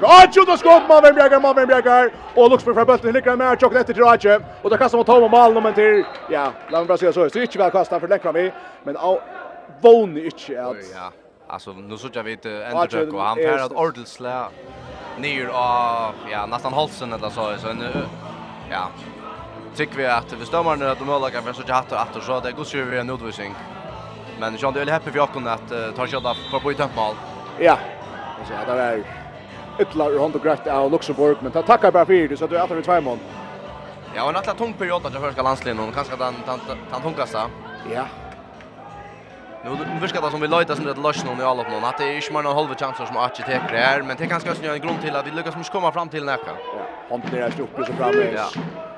Så kör det är nytt upp Trönder Mikkelsen här kommer ut Orek va och skugga Jonas och center för Jonas Button där att leva ut som vi är då aka högra backe. Jonas Smith fyra. Ivers och center så till Laka. Han tar Thomas upp att nu Trönder Mikkelsen in och Björn han är vi på inte i vägen över frikast. Släpper han ut första mannen men så uppbackning går och han häver honom kan hjälpa sig här efter. Jag vet inte vad efter Alving här. Det kanske var Nekvar. Jonas ska också se om her, Sønne Mikkelsen. Rotlas och Leisa så stöjdes nej ja but but den Leisa kvända det här frukast för Jörgen här. Öliga tatt jag kommer fram i här men i sista löt att få där bäga stövne. Men sätta fram att han var nästan att han är rätt kände vi så rotla fötterna chanser. Ja. Sönder en öliga öliga Donald duellspelare. Öliga gå an för. Ja, jag sätter bench för att nu akkurat i nöten ner så är det på vägen och i allop uppnå. så det här så vinner två distan. Ja, ja, vi, vi ströja, det man säga. Jag tycker vi ösnä att vi vet inte få mål nu här och, och Luxemburg kanske skora så vant jag att, att vi får vara sådär först hemma out. Ja. Det blir inte snäck efter här. Spännande strik där Roker sinne plats och Tröntor fram i. Och där resten tröker mot honom fram och undan. Att det går Luxemburg Sverige ska vi säga att det är ett först förs allop. 8-6 till Luxemburg, 21 mot Farner. Och nu är Farner fullmannar här. vi kom alla gal rymliga happy Porsche ur här så det under att stöna kom nog skora vid Chisolver men har skora bara på att straffe som där fick oss så stöna ända fakt 0-0. Det är synd Österland vill säga. Eh Så det snitchar sin ut av bunchen. Gröna kors till ju när handen. Så jag att kort där den tapper. Leva där här att det så bara Aj är det vi går tackling. Annars var det att är så faktiskt spalt mest värde i Tyskland och till annars sen det omvänt ganska kan han pröva i sin karriär och Han kanske blir mest allspelare. Så det är det är ju galet att lära sig av varje i Tyskland. Det är här vi ser Rastis Jim mot Vincent Sebastian Hoffman från Luxemburg. Luxemburg lägger på Nutsjon. Hoffman in mot här. Hendra någon Go tackling. Go crackle och Ajay som spelar. Go värja. Go värja. Vi har som mål mot Chatamon. Så lägger dra till Ilic från högra backen. Längt om han för det. Han rönnar själva standard skott på Mokra kvar värje men han på efter kanske inte komma ner att Malia vi vill säga. Så fram framåt. Nu vill jag vi Janne. Ajay går för högra. Det från visen mannen så vill han tacklar ut igen för jökte frukast. Ah. Detta så utan någon. Ja, det så lovande ut, men åter lyckas man kanske jag träntor ja, man spelar nu vi kommer kant och vi blir frujur men tar få. Då får säkert stäcka det i alla slut och vi måste bara se vi lite allvarligt ett lösning i alla på någon nu. Tröntor, Mikkelsen ständer, Amine spelar till Vincent Jonas Juros och till högra till AGS som Jonas mitt fyra här vi ansvarar sig till Tröntor på skottet när vi är laga Ajo på skottet och på tre fram i på tre fram i Släpper sig ordet till att skottet Atlas alltid så omstämmer sig ett lockskör på den det är löj skott alltid men Nu får jag bara framåt här, 8 tjej. I västra centrum om här kommer en Luxemburgs kant fyra eller något. Det är en rundalt skott. Ja, Jonas rör en samfra domaren om att det är som bultren i skjutkaos i värnet. Det blir jävla mest 8 tjej till Luxemburg, 3 mot Farner. Og er først avlopp som er kommet i ordentlig troblager. Ja, vi har bare skal skje mal nå, 23 minutter, til Det vittnar om att och helt det rätta längst jag vet att finns några mål. Ja, så det är de Ja. Leva tar att gå gott och så är det också på gott av ett två mån gott vid den skottet mitt fyra. Niklas Satchvel inte fädra färdra någon Följer Albjatter att för två månader inte tjej Jonas Jurus och vi åter kluster här och åter Rendron Gott så lever han åter nu inte att de ser ut att Hagen Hagen check den och Hakon västa tajjon ja ja ja och tar vi ett utvisning för det att att det är Ulle Harren till Akox i Chanait så till dem åter när det är vi söndagarna Ja, och vi måste bara säga, ja, ja, att han har den bästa lösningen i listan där. Det är att bollen ändrar det högra vånchen. Bara säga, men. Det syns så ganska vånkren instinkt det sig ganska han matchen affär här. Han här lite plus Hakon men han löper inte så länge in. Ja ja, alltså Hakon är uh, så det är väl han också kanske han stoppar en att att han matchen affär. Det kan ju ta mig Ja, men det tar vi ju överspaltra sen då och tar så många grejer man föll man så något annat backa sen upp och ja, så Annars skjuter jag vidare Luxemburg skulle skifta målman nu och ja Jag vet inte om... Uh, ja, jag vet inte om du tycker han möter ska renna in. Det var ju som du tycker att skifta. Ja, det jag. Luxemburg alltså i undertalet och så kör där hoppan kommer till högra back skjuter Niklas Sachet Bjergar Niklas Sachet Bjergar. Spelare kommer fram igen efter. Släppa där Öljan nämnt till att alla vill se. Ja. Det är bättre Bjergar Niklas Sachet. Paul Jakobsen börjar hit upp men Niklas Satchvel vi kanske kommer att bjärga här. Han kan stäva väl Niklas alltid. Jag kan inte Ja ja, alltså det där spelat nog inte mal inte. Jag är inte en man som kan bara stöst tar vi det bara för ju mot. Ja, det är snäs väl Petro kan gå skott. Nej, så domar för det. Här kommer en block flickande för jag vet inte vad ska just det rumma där men han skjuter så ett enda vi har inte gått skott. Skjuter fram vi. Att det är ja ja, att det är Det är såna chanser vi må gakna det nu. Att nu är det att ju och kommer faktiskt fram till en chans men men Kjød på om og tær. Ja. Ikke godt nok. Så det døy, ass. Alltså, just vi såg att ju bompas här inne det och dagliga i Raima och så. Ja, det är som om de första spelarna blir sån där sån där outrigger vi att kanske att ha bränt bränt såna kanske chanser där börjar vi och lägga som ja, tar eller eller tillvande. Och så tycker Luxemburg tar ut. Ja, och där tycker vi kanske Lucas Carr kommer för förra faktiskt. Ja, det måste jag säga. Eh, mycket åtta till Luxemburg. Vi får ta målskyttan uh, tja förjon först. Och här är så här vi kör Olsen skora ett mål. Har kommit att Tajon skott så fyra. Han ska fyra. Han ska fyra så det kanske schakt att köpa. William Paulsen 1 och Peter Krog 8 kan försöka gå alla ja. ganska galt chock och vi kunde lägga flöt så stomat där. Det är alltså allmänna tölner vi där. Det skulle gärna vara i läge. Här ju att säga. Ganska det inte spelar spelas där. Här heter det inte bättre. Rätt sure som är Peter krok att vinna folk som är. Här jag ska där. Vet vi vi drattar det här som det lojer. Men som du säger, jag kan inte offra av att förrän ska titta timeout i förväg. Ja, alltså jag är ju vant att första timeout där i stund om det nu tjej. sker. men men ja, det är Han är ganska han är ganska rymlig tycker jag lugga väl Peter Brötter Larsen. Man måste se han är en öliga rutin då så ja. Jag tror inte ega fokus och hånden ganska till er är att höja det. Det är ju alltså ett namn som vi kanske blir sin offer jag att så störst namn som vänja för landslag. Ja, man ska minnas man ska också lägga finna någon annan alltså nu inte vänjar och och lägga som något spelkoncept som ska upp på benen. Og til ikke tog jeg før en kanskje kommer fram til chanser som distan. Jeg vet det er simpelthen bare være være åneiver og til mulige spillerne være forspenter. Ja, det er sånne ting som kan gjøre det. Nuttjo åtta til Luxemburg, Luxemburg i Alupe vidda, 5 minutter etter av fyrra halvleidje, og Jesner har en åndekamp distan i midten fyrir og Luxemburg. Hoffmann er bra her, og Aja Jesnes, han taklar det aldri. Norsk kviker Hoffmann, og Aja han fær simpelthen, hilt jo noen fast. Väl tackla, hånden upp kött, kött omaren och ska hända kött här. Där vill gå goten. Vi är Stigspans kommer runt där, jag får till det så Illich.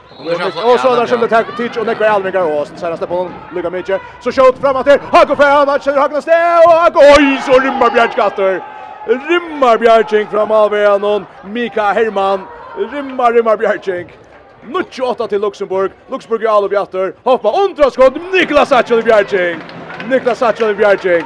Följa fram av Jan Ator. Fyra mot etter fyra hållet ikke. Petter Krog missbyr, bare til leser, og tråkt ut mot Føyen, tråkt ut mot Føyen også. Og så får han shuttle fram etter. Der kommer Virsi Vincevanje, og så er Luxemburg 8 ved 2 mån. Touch 8 til Luxemburg. Ja, ja, ja. gonger gale tjokk der. Ja, det er altså...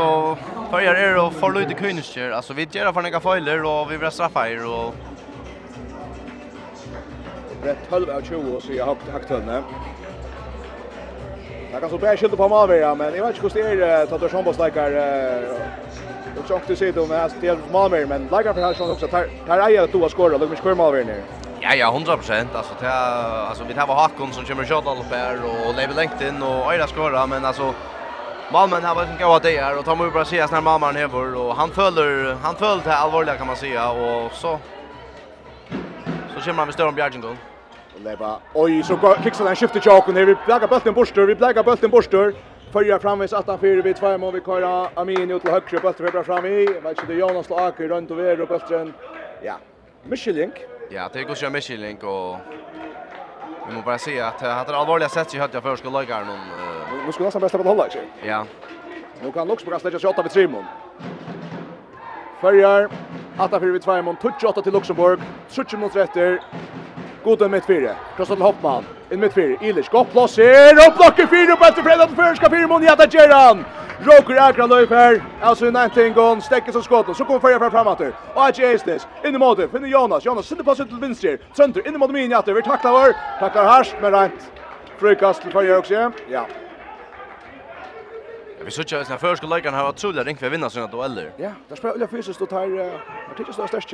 Luxemburgarna. Hollywood 3 mot rätter, 28 till Luxemburg. Förjar vi har loppet så ska också svära av ett någon torskast, ja.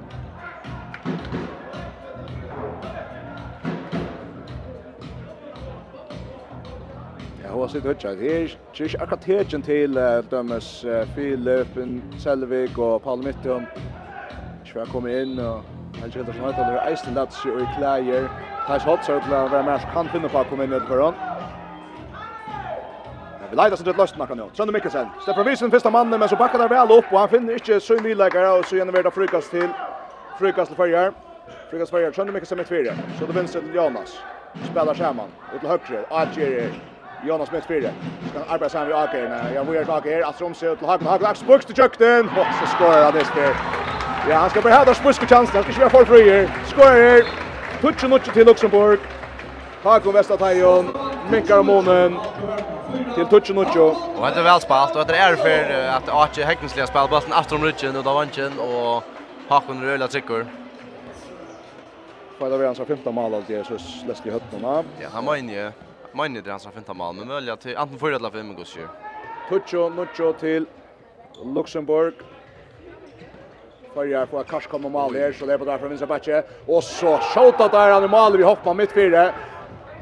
Inte ganska lugga kring stäcka stöven här men så får det gott hoppskott mitt fyra. På att in att han Niklas Sackvel 11 Nuccio till Luxemburg men så att är det svär stilt läsa nu och så hade det hade det vi gärna vilja sucha han för in vi Ötlund och Jan Hevor skryter sig Lesan och knallar bussen i målet. Ett och touch till Luxemburg en oss efter för att hålla George är det. Nu måste ni alla bli löjda sönder efter här. Vinner faktiskt vinner sig fram i sin man just vill att oss om att det kanske är mankla och så langar han bulten här i mål. Jag hade just först skulle mankla fair i all upp någon. Alltså det man man vet man är förnämmer att tackla hvis man skimmer fair. Vi manklas inte flow i all upp någon. Det har vi faktiskt hött i början men tar vi bara bränt och bränt och chansen där.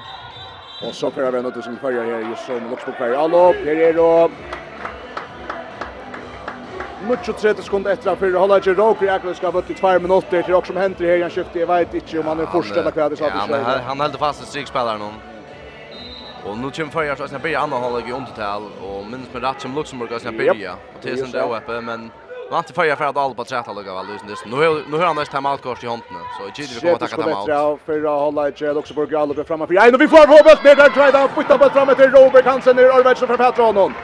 Här spelar en, ja, tappar han bulten ut av Vanche Robert Hansen. Han säger tack för det så snubbar han bulten. Och Och så här har vi 15 sekunder Jan och Jörn en. Det här var inte galet. Jag tar bara tacka dem. Jo, han får tacka dem. Han tänkte att nu just så touch sekunder efter. Ja, det är ganska Jag har nästan ganska dröjs och sånt. Eh Och så på ja, vi checkar att touch sekund. Eh eller kanske han vill gå vidare kosta utveckla sig framme. Jag vet inte. Ja, men alltså det är också ganska han nämligen bench för man kanske inte får köta. Ja, jag vet inte. Jag tror inte nu nu kan Hitler i nevan nå alltså nå var bara natter men man kan kanske vara inte bench för att uh, för jag inte färskt Orlando nacka upp men så hinner ha väl öliga går som tackling går första tackling där vi se ja. Ja och men det är alltså 11 touch till Luxemburg. Här touch kom efter. Timeout. För att ta timeout. Och onkurs väckta så om vi skorar här så släpper vi det sen där snicka läsen nästan ja det är en underlig känsla i som att man är onökter men alligevel så så kunde kunde ta gengi värre nu. Han tror bättre var då värsen i vägen i Janne och för för fänga bulten tar det runda spela. Bulten ut till till tar högra vång. Annars så gör vi det Thais i alla på nu. Ja. Att det tror det sex på den vi har vett nu. Så vi ut av vänstra vången mot Bernhardsen. Det är spännande för jag. Jag kunde umänna för jag här var ganska ankra. Ankra detaljer där. Nej, det är man kan man. Okej. Ja. Vi är runt och talar. 10 sekunder efter. vi har 6 man i alle blanka maver efter. 5 sekunder ut, sen mixar mitt fyra på skjuta. blocker fyra och så vi håller Hollager. Luxemburg är 8, 11 touch och i har mot Kapitalistan i måte, Färjön, 11 touch till Luxemburg och jag vet inte om vi kanske skulle börja att äta några år och jag här Andreas, vi har ju att se att vi att vi att gå av och vi så så för jag är starka här men att Luxemburg som Ja, vi börjar ganska väl och kände jag över om man men uh, sätta kvarterias hålla så så alltså det kunde de säger så, det kunde bli väl varje natt man för.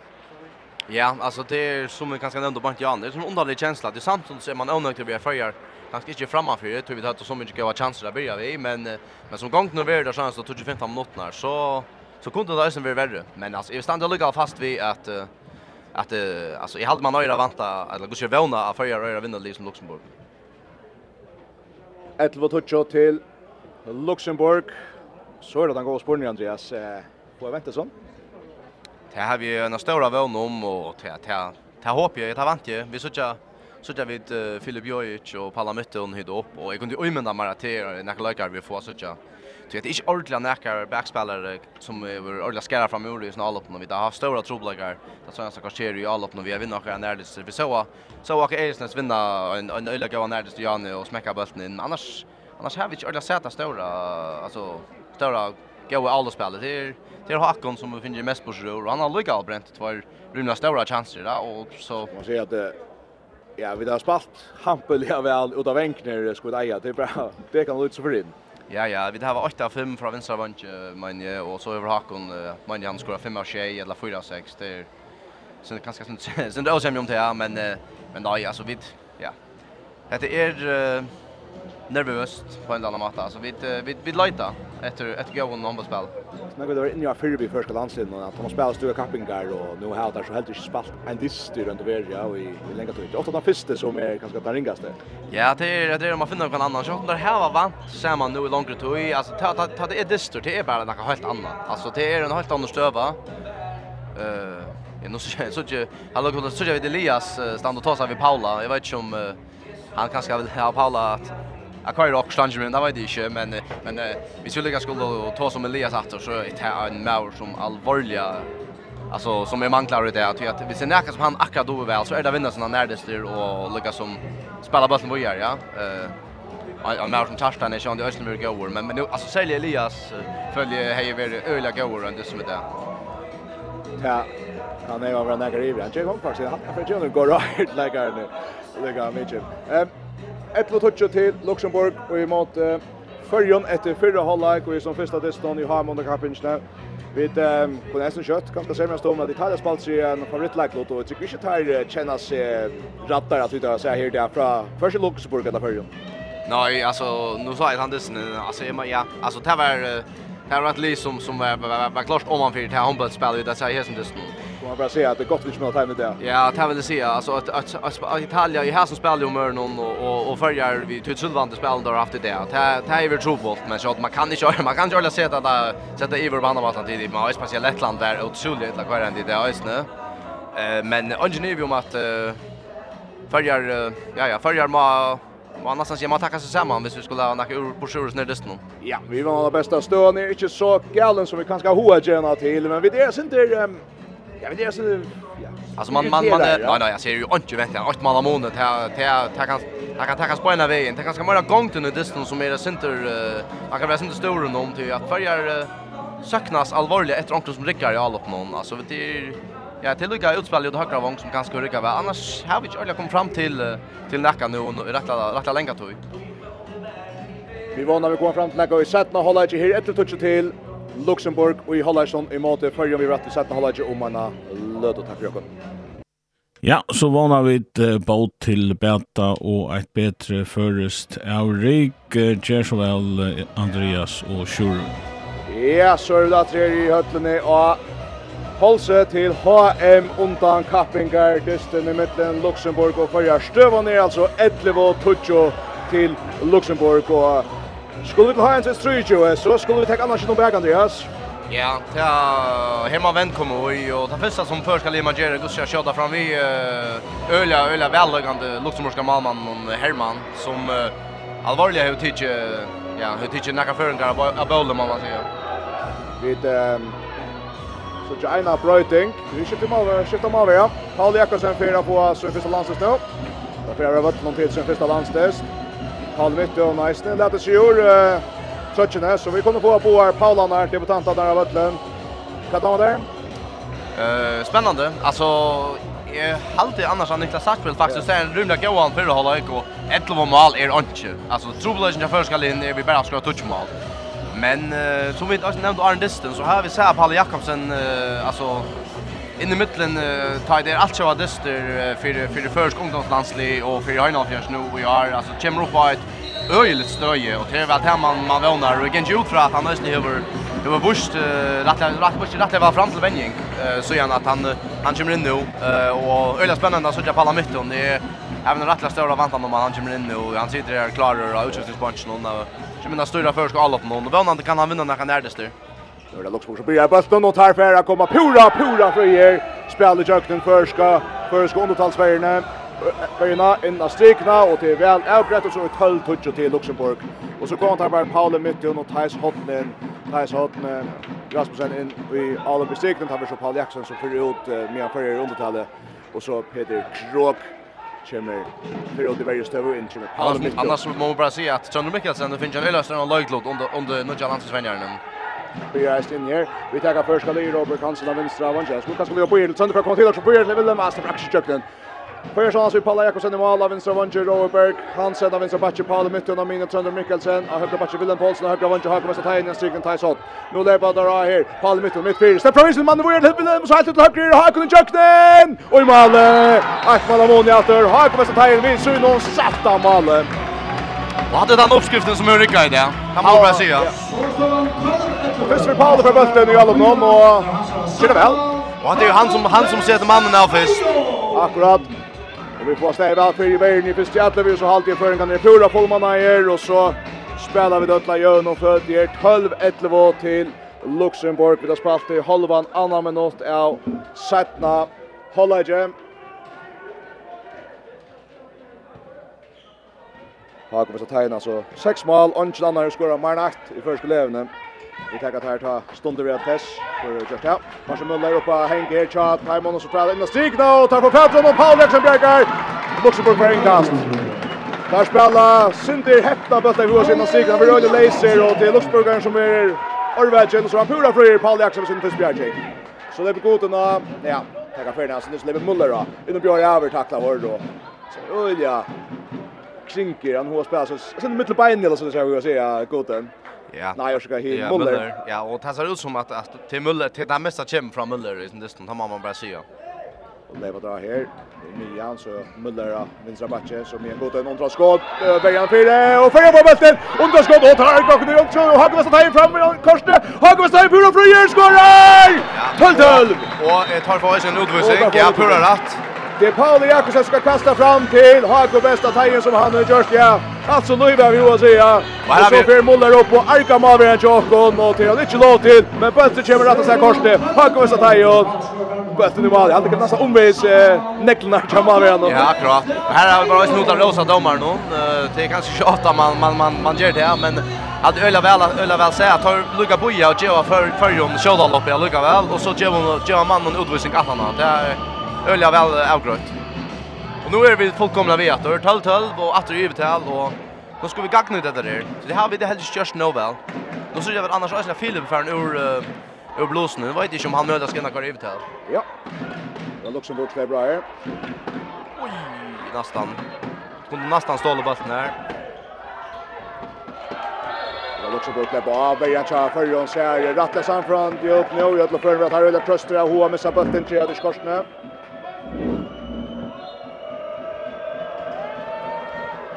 Ivasta sentri her, sinna mina Tajsudde og Arkar. Sinna inna strikna, väl spalt och där skåra, Så släpper där fram Iver i Tjockon Korsne. 13-12 till Luxemburg, Luxemburg skårar. Och så fram efter Robert kastar Pura flyger över till Kantavor och ska bli minsta nu på sig. Det ger det där. Nej, det har varit skiftat sin skraft ut Luxemburg som manglar med över ansett några vunche och vi sänder bort till Bant Van Roa. Han tvejts in och så blir Luxemburg upp och upp och så. Alltid så som Filip Jojic in vill vinna shot av podcast. Ja, man måste först fair. Det är inte alltid en nämn uppgåva. Det hade vi då så här faktiskt, men Går sig en öla runt i straffskytten, möter han en öla runt om Alman, 38 år gamles Chris Auker. Ja, Filip Jojic mot Chris Auker, fyra jana för förjar. Filip Jojic, hötte fest. Och så bjärkar Chris Auker, så bjärkar Luxemburg till Malvergen. Framvis 13-12 Luxemburg, Luxemburg, två mans under talje och i en minut. Och att det vi tar som uh, attack är när vi har där. Det tyvärr vi näka vi där så för ofta vi som förska landslagen att vi bränner för en brottskust. Det är det snär Nevlogen som som manglar.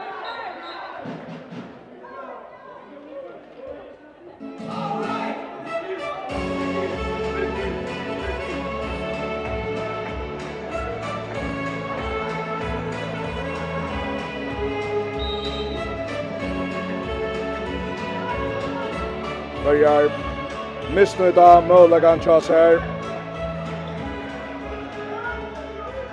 Jag lägger sig, eller jauna, så kan också spela fram efter. Det är fem man så alla Björn som avvärs för Jan Hoffman på skjuta, rymmar, rymmar skott från Luxemburgska batchen. Just antal till Luxemburg. Vi har spalt i fyra och en halva minut. Ja, sättna håller inte.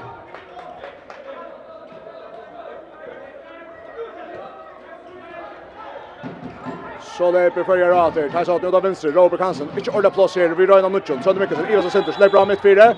Och så händer Ockors.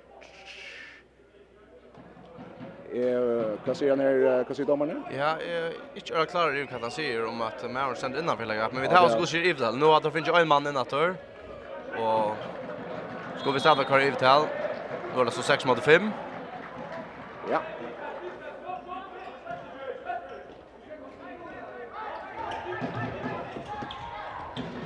lever där och där venstre för Järle på venstre Robert Hansen jukt in och skorar. Han står så på mitt bein och Jamal Ranon. Ett mål av Moni Altor för Jeremy Komon till fjärstan sätta. Robert Hansen vänster vänster. Väl spelat och här kan man så se att ta ta ta Luxemburg i undertal och tar inte några skifta ut och liksom så är det faktiskt när Chris Auger som kommer in och gitte det tog att nummer 96 inte över hotlat renna in. Det här ska vi köra en gagnuta kvar jag färdigt här i när mamma är inte inne som gör så stora trubbläggare. Luxemburg i alloppe, åtta vi en nån. Vill ju öle gärna komma in genom dysten ner och täcka sina tämmer halden och lepa där väl från vänster sida mina.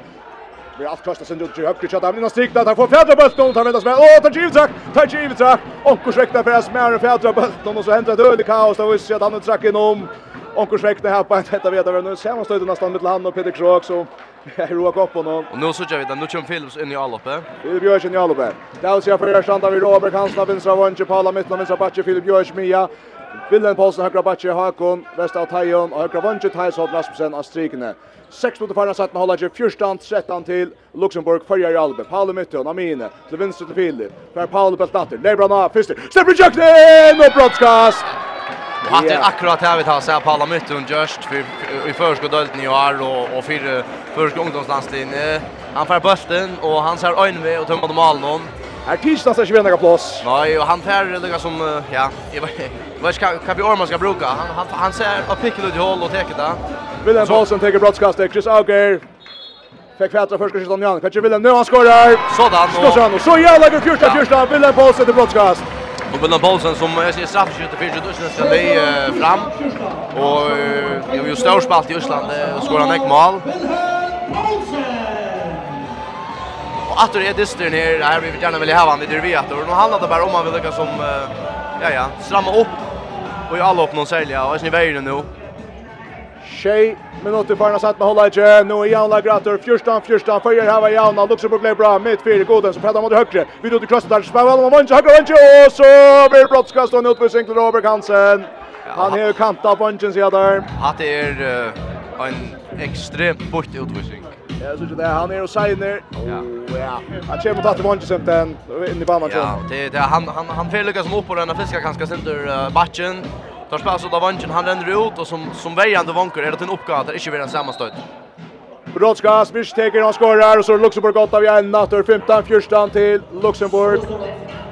Annars har inte matchen värst att det visst faktiskt inte inte inne i öron hålla Javanchen och han är deras största profiler och och spelade väl för halvlek så det är ganska synd runda lite men Sjur Olsen kommer nästra vänstra vång. Onge Maver inne nu kör för för Albe. Filip Björk mitt fyra Kim Thais hot nu upp till skiften så Paul mitt för bulten mitt fyra nu Filip vänstra backe. Paul mitt fyra åter. Gick mot Villan Villan för bulten lägger trysten mot så Filip på skott. Blockar fyra hotna kast. Hotna kast för Jörg.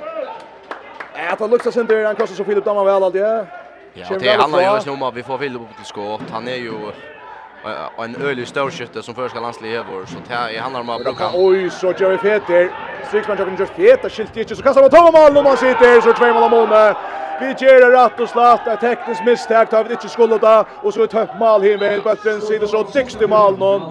Och så är det att han är i tvärn 16 14 och en är vad det vart Jan det Andreas. Ja, hade är alltså vi tar så att om där men hade sån foiler som vi simpelt sen inte må göra. Alltså vi gör en rundgång här och och Thais var dömd till fria fjärde från en fet och så är vi har ju gammal Malman till det utvisning så är det världens närmaste mål till till Luxemburg. Paule mitt med min till vänster Filip Jojic. Så Paule, högt till Ville. Til Mina, Filip, at Villen. en Lusen plasser, finner det ikke korsene, så lever da fra vinstra bakke. Palle midten er Trista, Ives og Sintri her før en gang fra Sintri mot Syden, så Filip kjørt frier! Bjørnmann er bjerg, men hever ja Krøst. Filip Erik Krøst til skåtstøvende, og tar vi en utvisning til Luxemburg og fører på bølten. Ja, han vil skumpa av Ridgen ut i han skal kjøta, at det er pura rett dømt. Og at det er samme med oss som fikk utvisning i Janne, og for siste er helt fall, så får han sånn at trio. Det är rätt. Och det är alltså nummer 20, han är värst med värst i Mivern. Ja, det är en av de största mannen där här var, visst han allra högste som det kan i Mivern. Han spelar faktiskt i i Värgen så där kommer jag från det tror jag heter jag tar dagen väl här Värgen. Ja, och nu alltså ja jag kan bara inte ta mig själva men alltså vi måste simpelt bli kackna det i vitalen jobb nu. Och så kan inte det nu kommer Rokor kommer in men jag lukar väl att la Phil, ja, det där vidare var ännu, vidare var ännu en man ute. Så vi kommer att spela ut här men alluga om vi dansar efter bulten och då vet vi att vi kan många mål. mål.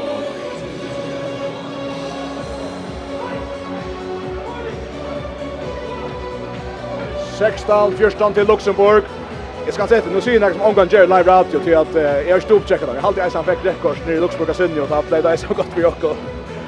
Eh 16 14 till Luxemburg. Fick man så lite till Chavaux också räkna.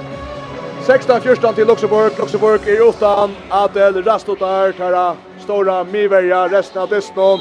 Lata Kovona fyrja på gagnet hettar. 16-14 til Luxemburg. Vi har framvis 21 mot 30 spela. Följer det bara i uttalet. Roger Erkan i tals 8 stigna. Så vill han Paulsen mitt fyr. Och på Henke ut av vänster. Sjur Rosen köpte spurkstå. Han skorar! Sjur Rosen skorar! Mikkar Monen till 16-15 Luxemburg. Och att det var otroligt viktigt för Färjar och otroligt viktigt för Sjur Rosen. Ja. Yeah. Och sen är det vånkor här, att hon med också, hon bränner också ofta. Ja, och han, är, och, och han var faktiskt rättliga, rättliga över alltså. Och nu var det färger så fullmanna här och vi tar 1 minut och 20 sekunder i här, och detta skall alltså ända vi att vi vi vi gagnar det där. Och så bara läser vi nu man fänga där på att kors ner och så ska han sätta sig gå där det ända fram frugas Luxemburg. Tar så om att jävla bulten. Och om man får utvisning. Ja, så tar han en fot så åter. inte hade Schmidt fjärde bulten först jävla och Luxemburg går upp åter allt ända väl till förskolan landsen ända vi är på en värre stöva runt över Så är det Luxemburg det bara fram inne. Krossa till Hoffman, länka vinstra backen att Tjubatta vinner i högra standard nu, så Namin, det är bra mittfyr. Underskott och sitter väl. 16-15 til Luxemburg. Jan Hoffmann vi Ja, jag vill bara säga rymmar runt skott. Ja, vi ser lycka att det är faktiskt en bulter som Paul Jakobsen ska häva. Det har vi lukka väl hot till att uh, man kan vänta av en så gammal man som honom. Nu så de att det så ser det bättre kanske inte så otaliga som uh, han skulle det vill säga. Följer i Italien efter Seja 15 till Luxemburg. följer lägger bara Peter Krog upp och hänga. Och så är det där. Och vi får bulten. Öl häppe på en fälta bulten. Peter Kroks kommer skjuta ända vi att skulle spela i och strikta alltid ju bättre än Verstin där så ända vi har kommit att ta in för Pettersson typ Peter. Tjus skulle efter givet heller kom nu för jag råkar Akralöj. Och Thais ger skifte. Så Thais lägger truss. Så Peter Kroks kommer skjuta. Det tjänar det! Och Mavre Björkar vi skulle ha bultet. Det tjänar inte. Tar få han. Tar få han. Tar fänga bultet av Stakleiser. Till att Chris Auker som kommer in i målet. Sejan 15 till Luxemburg. Vi har nu 19 mot 30 att spela. Är det kritiskt Andreas? Ja, alltså Ja, man må bara säga, vi, vi la ut ett lörs någon och ja, vi har inte ordat fundaren. Och annars ser det ut till att det snökers Auker hällde fram i malen. Och ja, nu är det fullmannar och han vill ligga alverande. Nu snurrar sig om tjocken och halta fast. Vi vill inte att vi vid Simon här. Sejan 15 till Luxemburg. Luxemburg i alloppe. Det är Goten med fyra till Vincent Jan Hoffman. Krossar till Goten, Goten. Om hon till vänster, kommer det Vongrup. Går in för överskottshallen ner. Jan Hoffman innan stigen till välspalt. Han jöknar, han skorar. Så Trimon av Mone. Luxemburg 8 vid Trimon. Og jeg må bare si at det er velspalt, og vi har ikke motsverre i veien her akkurat. Og etter 15 til Luxemburg. Og vi får heller ikke pressa Luxemburg. Vi får heller ikke nemme mal i sin distan. Vi får ikke pressa. Nå synes jeg det er som ikke tar mal man atter. Niklas Sartvel kommer inn atter. Pauli mitt og råpar til, søgnar. Vi legger kvett. Vi kör jo alle opp noen. Nå skal vi bli skåre her. Dette er Färjar kommer på Janna Kristan första nu är 8 för 8 15 mot Luxemburg här. Paul i. Det är bra mitt fyra. Plus Thais Thais är där han skorar och inte lösen helt där men Färjar med kommunen. Paul i vinner sin disk mitt fyra så finner han Thais har några väl. Thais har nästan skorar. Och 16 till Luxemburg. Jan Hoffman lägger pressa. Han har just Chivo upp också stora tropplakar nu han går löt då. Ja, Jan Hoffman vill ha se han skott utifrån, bra skott och så är det en stikning Janne. Ska han sätta honom? Där Muller han för en länka pausen nu. Där Ilic ögra batchen till Goten mitt för Jan Hoffman Björn Avil den pausen stäcker honom. Ja Luxemburg har spelat ölla smalta backlossen. De har faktiskt bara brukt bara fyra backar uh, Atlantisten. Där här var där här var den där Ilic och högra och så är det Hindruger som skiftas. Ajan 16 till Luxemburg. Lever där här Jan Hoffman ut av vänstra vånga så blir Jökten så kollar pressen mitt fyra. Så gott press för högra backen. Skjuter hötta och så kommer Jökten och skorar där vid Ilic och högra Nu Nujan 16. Han fintar vägen och vi en skott fintar som pura för Förra för kött in. Peter Krog lever bra mitt fyra. Weird Philip. Philip släpper sig skott här först i att lösa för den bollen och ska palla mitten nya i alla bjatter. Nujan 16 till Luxemburg i mot Färjön. Trätta mot det förna sättna hålla inte. Just säg som mot etter i hese Löto. Kjemen i gång til vinstre. Pauli og Filip spelar samman när till venstre. Pauli legger press i mitt fire. Rønnsam fra Visen lägger. Så vill han på sig skjuter. Bommenbjerger, Bommenbjerger, Bommenbjerger. För fotbollsbälten, för fotbollsbälten. Luxemburg har bulten. Luxemburg kan färra fram og lägger seg åtta vid fyra. Luxemburg kan färra fram og lägger seg åtta vid fyra. Og nu spyr alltså en av vänjaren Tjökon. skal han inte huxa om att ta seg till Malt? Det här vill jag säga. Alltså, det här är omgående för.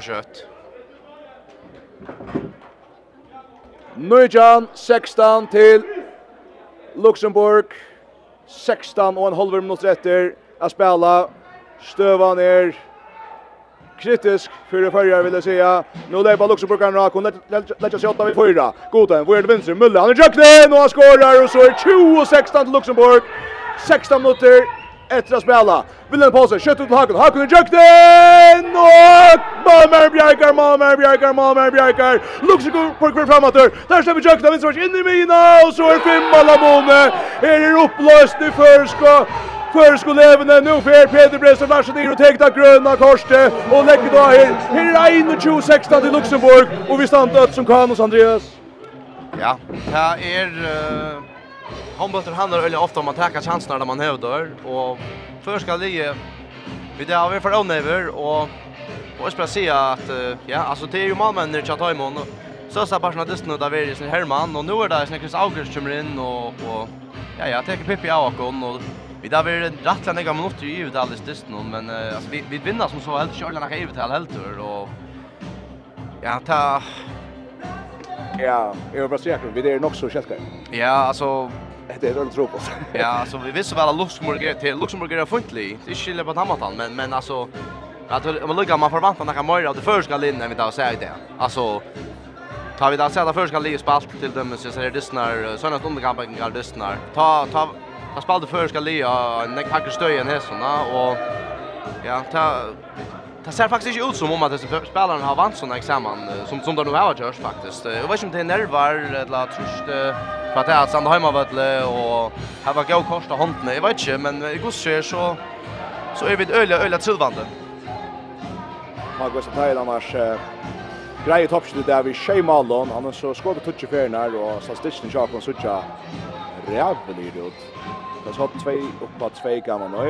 Eh, Annars har han inte skårat, utsiktigt skårat we should also discuss it for the 2, at Jesus 8, to Peter Krog 8, og William Poulsen 2, Robert Hansen 8, og Thais Rasmussen er settet the 2. 21-16 til Luxemburg, 8 kors her etter å spela. Leipa fyrir enn annater. Paule mitt og skipa spela. Hvor er det Ville? Ville med en lusen av plasset. Det Paule? Så er rymlig av ut til Filip. Filip Bøtten läser Luxemburg kværan, Luxemburg kværan.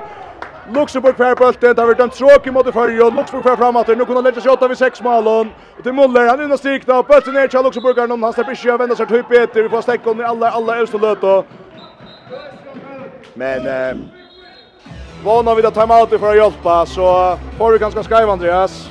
Ja, att at det er så ut som om man spelar en ikke ordentlig samfunn om vad det der skulle göra. Jag hade Philip vill ha bulten förr, och Och Paul hällde bollen av Löt och tar Philip så så fär bollen så ränner han ju bort åt var til Luxemburg och vi måste bara se att uh, alla spel Kari Sletcher, vi så just när vänner nu tar så vi uh, vi vi säljer Paula halde ju. Hon kan det vi skulle köra till att Ja. Ta køyr går sig för Jakob. Ja, må vi se här kan Luxemburg nästan ger arbete i Chelsea nu ta Karl eller shot on handboll innan mina Ile skjuter lyckligst i målåtne fram i mål från Ile Chagrabaccio så är 22-16 till Luxemburg följer ju upplöst Nu rör det att där bara. Peter Krok mitt fyra. Hötter. Och där kommer fyra och får bollen att Vi kommer få vi får bollen att till Peter. Där slår bollen Leisen efter. Men det är Luxemburg som är framme för Ötlund Ötlund på meter snackar nu.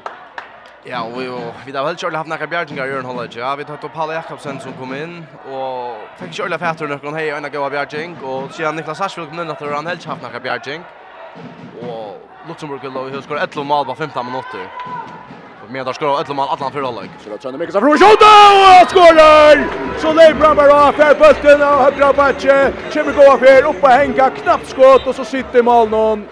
Hetta var kanske kommer 22 sejal för jag på Borstad har då skorat där. Bra likt mål från Trönde Mikkelsen.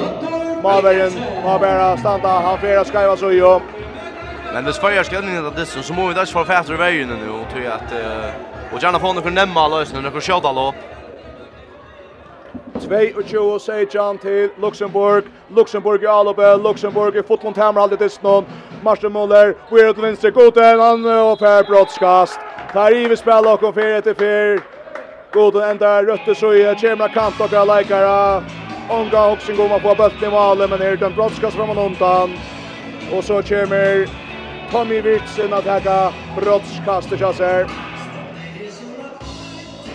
Ja, det är öle ofta så där att tar man ganska otroligare i en ända av ötlon så smittar det oss ner i en ända. Så nu har vi helt slett i över stora vägen. Tar spelar sig fram till stora chanser i första ena stalo. Skorar Tommy Wirtsen skorar. Stussar bulten fram i Niklas Satchvel. 23 sejan till Luxemburg och nu har det alltså bara 13 och halva mot ett att spela. Sex mål av Mone. Alla därför ska det är det till skamma för ena stund. Nu ska Lux helt särskilt hämta om vi skulle in att rena distan. Men vid våna, høyra førjar, Paule Mitton, Trønder Mikkelsen spiller saman, Trønder, ut til Paule atter, Paule, atter Trønd, Trønder, atter Billen, Billen med plass, og Maveri Bjerger atter, Maveri Bjerger atter, Maveri Bjerger atter, Luxemburg fer Jalop, Luxemburg fer Jalop, nei, nei, nei, Kjolta vi så kommer til det fru chansene, så gonger det helt, helt gale, og vi sitter altså bænt under linja, en og leikar en mann som, jeg vet ikke om han Maveri venner eller hva, han tekst stikk, og Det är röda klar för för där där Bjarka och det är ju nice alla orsukla. Ja, det här, alltså vi vi tappar vi tappar den där öllon öllon plats som bara nu kan man säga. Det bär ju alla upp till Bergverje och sina mammas plats nu. Så det är bara där här Luxemburgarna Muller inna högra Vi tacklar för i första att vi där skjuter sen ut efter Roker och Helge kommer som i värna. Ja, och Archie Elsens för men högra back nu nästa alla på halvje. Och att han säger kanske också något om vi där skift så näkt. Vi löjde dronken som riktigt. Oj, så spännande. Sida vi får bollen, vi får bollen. Så går det med så här chans där. Så oj, så då att han tråkigt det jag akkurat drar fram med dronken jukten. Mål och så nu då flyger ut på sig här. Minstein.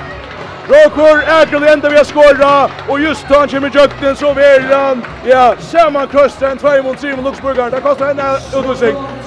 Uppe i ända enda någon här reiste upp från gatan men då reiste han ut på. Ja, så är det nästan det mest kaotiska Albi jag säger hade. Först har vi John Mikkelsen här och inlägger den lägga fot för någon så han spelar en bötten Shure Olsen som här en tar med nästan Lebra Shure Olsen och blackar sig att dra och den har sett ut. Vi tar så bäst på här spelar bäst och gör och racka Louis som som kommer ut för som stöv och i min till den sista stöven som gör utvisning. 23 18 till Luxemburg Men så i ödel då så är det otroligt deilig att vi får skåra. Ja, och jag vet inte om vi ska sitta för det satt och känt för, men hvis vi kommer gack nu det är efter det ivet här nu, stäcka tajmen jag skåra och få en kornem mål så vi följer vi vidare någon natt det ska alls morgonen två mål till och ja, så följer man att man man man är man är inte vi ja och tackar lite trösta hitlig i öst nu. Luxemburg i Albjatter Hoffman och högra backe så är det här Muller och Goten Hoffman eh, som skipar spelet. Hon kan låna backa akkurat nu. Kvar där en nog så nekvar skiftingar som vanligt är att då ska få till en gänga center. Muller det bra. Vi tacklar Christian Atlas så rönnar vi stäcker är jag till att Gerard Eisen där god om det bra. Go för Sverige i hesa stövnen. Go för Sverige i hesa stövnen. Men låta halta fram, låta halta fram, låta halta fram. Vi drar rätta 4-5 mål on här på ett mot rätter. Hon skjuter domaren uppe. Nu ska Lars Gunnarsson krossa till Hoffman. Hoffman får skjuta. Och efter vi undan för målet. Vi blockar fyra med Böttner stöcker fram i mål och Korsten och så är Luxemburg 8 till 6. 4-2 Luxemburg. 4-2 til Luxemburg. Ja, det är det alltså man hör ju marginaler såna så ju nu och vi vi har vi saknas allvarligt efter Bjärgingon. Här är alltså här är Niklas Aschberg som det så. Det är så jävligt otacknämnt. Så får jag plats. Sönder mycket sig Jurgen och han tänker gå att ju prova just det plats jag ska och så lankar han bollen i nätet. Fem alla mål att det först all uppe. Allite sönder fri här nu. Här märknar vi det hålla rött och frastöna till till värjarna Lucas om och kommer sen bakant spara bara för mojare. Så nu Niklas Aschberg Jackman åtta så i matchen och ja ja, att det att det så vi skulle spela livet här. 24, Nøytjan til Luxemburg. Halde nu fast i vergene. Tutsi minutter, tutsi og holmut etter. Fem mal av måne. Luxemburg, alt tamer alt i AS Distnon. Førja rønna struja sin atter. Nu Gjetar nek igång när Stigna så vidare trösta dem här så rand åter kommer frier där skorar det går handboll från Luxemburg till Moibo Asana och vi tar onkan livande möjliga säckes mannen 25 och till Luxemburg i bespalt Andreas Pura. Och som gör att här så ut allt alltid. Ivis Baldi. Hago bästa Tajon. Vi tar så vi tar så där när vi om att Mika mål mål alltså. Ja, och vi tar så där när vi inte vinner duellerna i allop någon i första halvlek. Och Jörn Hollager där är det i vägen. Alltså här är en som simpelt vi sätter det av och en annan Mauer hjälpa till och tar spela bollen dölja smash vidare in till här är Mauer som kommer kommer free jagden och skorar. Och ja ja. Så tajnas vi åtta mål och ner till och SPR ja. Det kan vara bra för han sätter som den som man och för Jökten nästan vart någon. 25-20 till Luxemburg. Paul Jackson 20 natt i mål och det är ja och vad han kan göra som han åker till Görsta så slöt de kunde det. Det är bruk för Jonken helt säljon här. Muller är bra. Vi tacklar för pist och för nast och är frukast till. Och att det är ju till här vi då bara på de mål vet du. Alltså vi kommer inte vi kommer inte att fetna. Nej.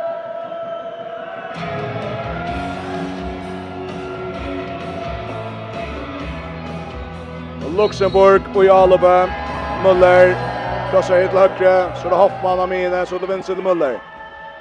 Och så på Tjota. Och till en rymmarskott från Müller. Blockande kicksa här. Allt jag syns till. Där Tjota börjar fram vid. Och kommer så sex mål av mån i attor. Luxemburg skorar attor. 26-20 till Luxemburg. Börjar Jalebe. Sönder Mikkelsen av mine. Paul i mitten av vinstra Tåsa Tås oss. Och så tänker Peter Bresa Larsen timeout. Vi kunne helt kjøtt eh, teka så som malkjøtt av Nørkja for Nørkja Skrasetter. Her har Mesta Teien skåra 8 mal, Kjur Olsen 2 mal, Baji Estes 1 mal, Peter Krog 1 mal, Wilhelm Poulsen 2 mal, Sønder Mikkelsen 2 mal, Robert Hansen 1 mal, Theishold Rasmussen 2 mal og Roker Akraløy 1 mal. Ja, det er sånn som stemte her. Så han kommer kanskje løy hekje til Luxemburgeren hon. Her har vi altså Marcel Muller vid 5, Jo Bilic vid 4, Jan Hoffmann 6, Tommy Wirtz 4 til Ötis Brottskastan Tåg. Och så Daniel Scheid eh, två mål här. Så han är han själver eh, sexspelare Milan Sintrivic som skott tre mål och Felix Wertel vankren ett mål. Och ja, vi går hakt där. Är det stora månader förjar skora och truppsätta sin skott. Det är inte något gott. Det är något det är simpelt förvånande alltså ja, det är Det är det skott nog och hvis man vill vinna dyster och jag som står någon så så mamma vill om för det. Her er Robert, nutje mot etter. Ja, vi som testen her, Luxemburg hever vi åmanna. Jeg er ikke fra første Bruxle, men her er settene holder ikke, så hever det, ja, ho hoa sier jeg, vere. En stor måner. ut før en ørstid av talvene. Måneren øktes opp i fem, altså det brottlige, og vi har saks, seks av løte, og så hever han bare, vere, hura, hura rymmer det her. Följer det bara. att Jesus kommer in högra back så det Paul mitten mitt fyra. Han släpper fram Isel Manne och så attra rymmer Bjärkö fram av igen någon. Det blir först frukast på inte Arnt här. Tog Peter för följer. Ja, det var så som att domaren som skulle släppa frukast inte att släppa frukast. Det är öle ondal så han var ju väl och villig helt den där för jag rör något om en annan affär en rymma bjärs från Malmö någon för så skrasa efter det det att det blir frukost för jag. Paul mitt under bra släpp fram första mannen röna släppa någon strikt knapp att läser för jag på om butcher på något. Sönder mycket så rör så att Paula. Paul så högt till Aka. Aka häfter Paula. Och gör det att Romse och ända där allt kaos och frukost. Frukost för jag. Honten, Chadomar är uppe och skulle ta skunda sig här. Förengan är vart ska ta efter här. Där pratar sig han Paul ska nästa shot här så helt så trönter ut av vänstra vank och är sjur eller spöks i köknen och Malmö Bjarkar. Malverjen Bjerkar. Og til er bare Malverjen heter Chris Auker som er inne nå, og Arne Varta, han heter Herman, Mika Herman, der har bare vært pura. Misha Herman, har vært pura, pura, og møvelig har vi å gjøre tjokk. Hva skjer, Andreas? Her er det bare så god mann med det her, va? Ja, det tar vi faktiskt nejvande är. Alltså alltså stöje här som de spelar alltså Sigurds Rich att det mamman som vi skulle ha så stora trubbel vi vi vi har ju mött väl bättre mamman än detta, men jag vet inte kan man ska säga. Alltså nej ju när första linan det simpelt bara svårt till steg här och Och här så står någon så så mamma skor på sina chanser och Här är Luxemburgar nu och här är en av hans storläggaren där Jan Hoffman som skorar till oss med på Javera hans här sjönda mål, åttonda mål. Men så Sjur Olsson, han svär så man in vin. Han svär öle kött att tre vin. Men det men alltså att det är Sjur Olsson, det är ganska sent där vi tar som måste vi skapar sen jag förr. Det är allt rush på sig. Ja. Alltså vi tar spelare som skorar och som kicksar då och så skorar då och så kicksar då och det är Det är inte gott nog att hit Lee skorar på mest som alla sina möjligheter. Så så kan man så fem man skjuter vi. Shake på 2 21 till Luxemburg. Shame minuter efter. Förjar stand i Vejestøv og En nästan omöjlig uppgåva där här framan framför sig här och nu häftes in i Luxburgen till för att få bulten ner. Så släpper där bulten och bulten ja ända via via så Tar skipa sig nutchen Luxburgen ner. Och så tar uh, Luxemburg vänjaren time out. Och ja, det var klockan ser här. Ja, 6,5 mot 1. 6,5 mot 1, ja. och 6 mål av måne, og 21-21. Hette hever vi. Jag ska bara säga, vi har var Scholta av er så spänt till landslister eh, om landstister, vi mån till Bolmer och Vantaner och så. Detta här är väl, eh, ja, men vi skulle nästan tagga det här stor i ni i bruk, så tar man eh, vi får vi får ta som en fiasko just. Ja, alltså sälja tar man tar man lägga som hickar efter sin linorna på höjden och man kan man förvänta att det för ska linorna att att Alltså, i halden bara att man kan löpa, alltså att man som som Oscar eller som som handbollsfjärpare alltså kan han vara leva så att att ha stora förbandan till att lya att det här har som Det har liksom spalt eller väl med med bättre tjonen detta. Och och tog ju också man ganska att att att ja ja vi där ju vi där ju sagt att förra varför ruttet landa dissen och det har sant just att fast vi att allt jag förra åtta av era. Vi måste bara se att vi där vi inte vi där skulle upp till det som som som vi väntar och nu är det syns lever än men 16,5 minuter och 6 mål av månen. Det skal simpelthen genka Nej, Det är ju förvärna runt det här kompet. Ja, ja, alltså, men nu tycker vi får tacka sin initiativ. Vi tackar två mans på sjör. på sjör. Jan Hoffman, toppskytt, han ska spela fram med Sparsa Muller och ner kvoten ner teckner på sjör. Så tacklar vi det ner att höra högra vanchet så är Rafael Goten. Så röda Jan Hoffman släpper in emot Röna Fynta och halvt ja, nu måste släppas här. Vi släpper vi en frukast här. Frukast, frukast till Luxemburg.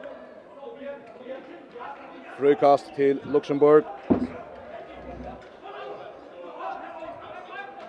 Etter dysten prøver vi da gjøre samrøver vi nægge leikar som har spalt dysten ut, ja. Där vill inte vad det med det, men nu får den här kanske kommer Bjärgen. Paul Jakobsen med Bjärgen tar runda runt skottet. Så skulle kött fram hemvid. Sönder Mikkelsen, ut till vänster, Paul Mytton. Ut av vänster, Sjuros Ösberg där skorar väl, skorar väl, skorar väl. Och Jonas tar sin chans där. Det vill han gå till efter. Och så ger han att han tar chansen och skorar. Shage och Tvejo 5 mot 1, 6 6 mål. 6 mot 1, 5 mål om månaden skulle jag säga. Allt allt börjar vi Bjärgen och när hävdarna går Bjärgen från Paul Jakobsen. Komma fram runda går för och så kommer han fram till en större chans. Här har vi sagt sen tror jag vi lyckas med komma fram vi vi, vi större fel alltså så jag tror att det Luxemburg ska vinna. Ser att han har så stora problem i vanjen. Han hoppar på shot. Paul blir grattis. Returen för Luxemburg tyvärr. Där får han ut upp. Och så bättre nummer väl läser vi får Akrishvedon så det stämmer in och stryker David Halta. Oj vid jag sen träffar ni hade. Ja, väl vill du rätt häpna där att hör fläta fläta som sent tulja. Ja, det tackar vi gärna med Jakob. Hade oss nog som har haft några marginaler nu senast nu så hade funnit. Så det var då här som 2-2 med Pirre och så rymmar skott från Jan Hoffman. Han här är otroligt att Donald Liras backen tar mot Icebergasarna. Ja, han är väl mål mål efter 5:30. Vi tar så Muller i början. Vi måste bara se att uh, Snell Hoffman är allvarliga till Giver. Alltså gör en hålla och ändan där förra. Så han är där följer som är i Alope och så vill jag en utvisning in i strikna till här bara strussellan ifrån Janne. Oj! Det är bara säkert. Vi passar dumt tror också. Ett latar tås och går sig samman. Han är ur håndna. Han är ur håndna i lomman nu. Lott kors till Luxemburgska strikspelaren. Vi har alltid hört något så grejt lite. Helt hört något så grejt att helt säga han sparkar han sparkar på en chans eller så, ja. Ja. Och jo och han han sparkar han alltså här är ju inte bättre att han inte involvera. Ja. Oh ja, aj aj aj aj aj. Men alltså detta så vi faktiskt långt i och i vägen och för att här var en tvådistrum mellan Helga och den är strikspelaren. Eh och ja ja och ta Alltså det är ju extremt bort av att mannen tar ju framan för vi sex mål och mer alltså så går styrkspel han ska brukas i morgon. Ja ja, och han var bortkost och för alla helst en godkänd diskarantän och ta en jut från. Nej, ni alltid borde bli för att att han tar ju skärmen där sen. Ja, jag hade simpelthen så så så tapplet alltså. Ah Jesus, han får boll skjuta stund stod ut och tar få bollen nej det händer inte. Här Erik är rätt och satt onch. Han kommer till ta chans där skall och han skjuter så ser han skall men akkurat en millimeter ska ju alltså han står inte så fram ut. Han skjuter ju innan sina stanchen men bara inte någon äkla bollen från målet. Förjar upp igen, ja, något mindre med ett heilbana press och så färra Luxemburgaren i alla batter. Och så kör där fet och vi får bollen. Kör fram efter Hakon bulten. han är mans mans så här och tar den fintas läsande igen, inte att vänta och Og det kaos after, flere dyster i midten, Marsen Møller og Helge Hildur Snøytoff her om Kott. Og så her er så ikke ønsen av Jesus sier at det her bare er, her bare er ok. Helt til 16. 6 mål av måned, 28, 22 til Luxemburg. 4 minutter og 15 sekunder etter.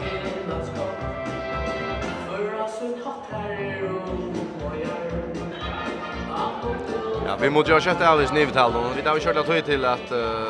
Det är gott plats till Färjan här. Vi får ta vinst av Vanker. Öliga gott plats. Och kör Rolsen. Ja, så skår han åter. Tre mål där också? Ja, ja. Nu måste vi väl placera Rosa Kjuror. Att det är öliga mental styrka det där. Att, uh, haft han så tjejliga början dessutom och, och kommer in. Och, ja, ja. Alltså, ta, ta. Och jag kom upp på en femmal nu. Och, Nej, framme i Sundetal, Luxemburg och vi drar ut och pressar det helt upp i Amine. Bara fram i halvbanan för att alla mans i mans var Jacka nu. Så spelar Jack sig fram efter och backar sig till Stig och får bollen i vänsterspalt och där skor otroligt väl. Det är simpelt hen för illa däcka. Alltså vi drar en mål Du tar tar kör inte mamman ut. Sex mål amon i efter Hollover fjärde mot efter. Paul Mitton är bra här. AJ sen sina strikna helt höjt där skorar. Mycket tro för 25 mål om amon. Hollover fjärde mot efter framis. 70 minuter 20 sekund. Skåren var tvøy, det var hans her andre mål. Helge Hindarsson Høyde! Spelade Astrid her, Luxemburgarner, til venstre til Vendelsen, Amina her, Ilic, skjuter, og Bøttre snuter Paula, han fyrir Mali, han fyrir Mali, for alt inn, Tjadam nå, 30-24, 6 mål av måne. Halle Mytten är bra från vänstra backen. Uda vänstra vang tjuren, han har för tjurjöknen. Han loppar och han vill purast av Pilkauer. Malvergen ständer bara på Göte Böltnon. 30-24. 30-24.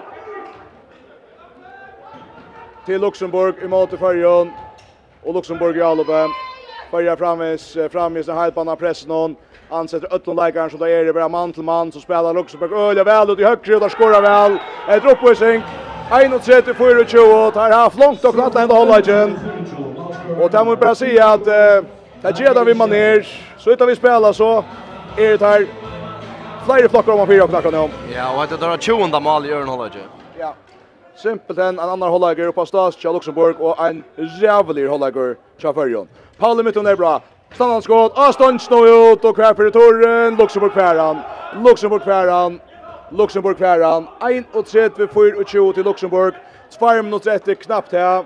Och efter här är ja, till mersi där. Här är en kvirr höll på Holse, det må vi bara säga. atler har en febren, Är mest som bara nio parter av Luxemburgsko, ja, Luxemburgsko, all upp den här och så tar man bara Malvern som har varit purasta om möjligt tjockna har vi Agera. Följer Jarl och Bjatte Trönder Mikkelsen. Han har gått plås och han skorar Jesu Per. Han skorar Reisne. 1-35 och det är det sjående. Det ska fäckna Stoma för smal men det är ett Li Förusli Här räknar Brian och säger allt. Detta var inte det man att läsa, det var inte det man vana, det var faktiskt helt inte det man vantade.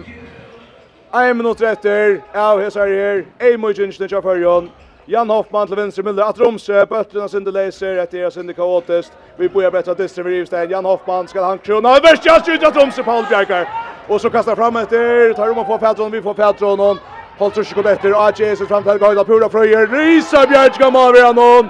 Ja ja, detta var mynten att det stod när vi Johan säger. Just så, jag också akkurat samma. har kanske akkurat mynt på dysten där att vi bränner en Pura Fröjer möjliga. Hurra fri mølage, og det er ikke bare en malver som hever steg i evne det, det er tvær malver som simpelt hen heva, ja, vunde på sjurakon, og mest som hoakon tar vi sjåta, holdt trusk prosent av førsko, skåten i enda av malen, Ett missetna först all upp i alla matar och ett Ja, så har kommit att kommer och Han får sin chans. Pura flöjer. Han får hälsa skåra senaste mål här i dag. Och det är så hans mål nummer Nuccio. Ja, och jag sa att lyckas efter. Ja, att vi så just bara anlit spray när jag första spelaren så jag nog. Alltså här kommer blåsnar på hött och Ja ja, alltså ja, vi vet vi vet mest chatta Här är vi har en feber i Hötli Holse. Här är eh ett av våra ordentliga. Det måste man bara säga. Alltså Luxemburg, Luxemburg vinner alltså 31-60 ska ju skundokta säga. Jag vet inte finna det just lite vi. Här är vi grätt i ötlo för hon. Ja, kanske här tog minuter detta för sig ettast. Ja, jag vet inte vad ska säga Andreas. Alltså att avrik som vi i hörs kommer nökt vid. Nej, nej, alltså det här kan slett i hörs diskuteras. Alltså ta vi inte spelarna så väl shoulder. Tar skulle vara först till tar man var ju väl när man spelar en gående så då man spelar en ringan sist. Och ungen är vi om att ungen är mer skuffar än lägger i shoulder.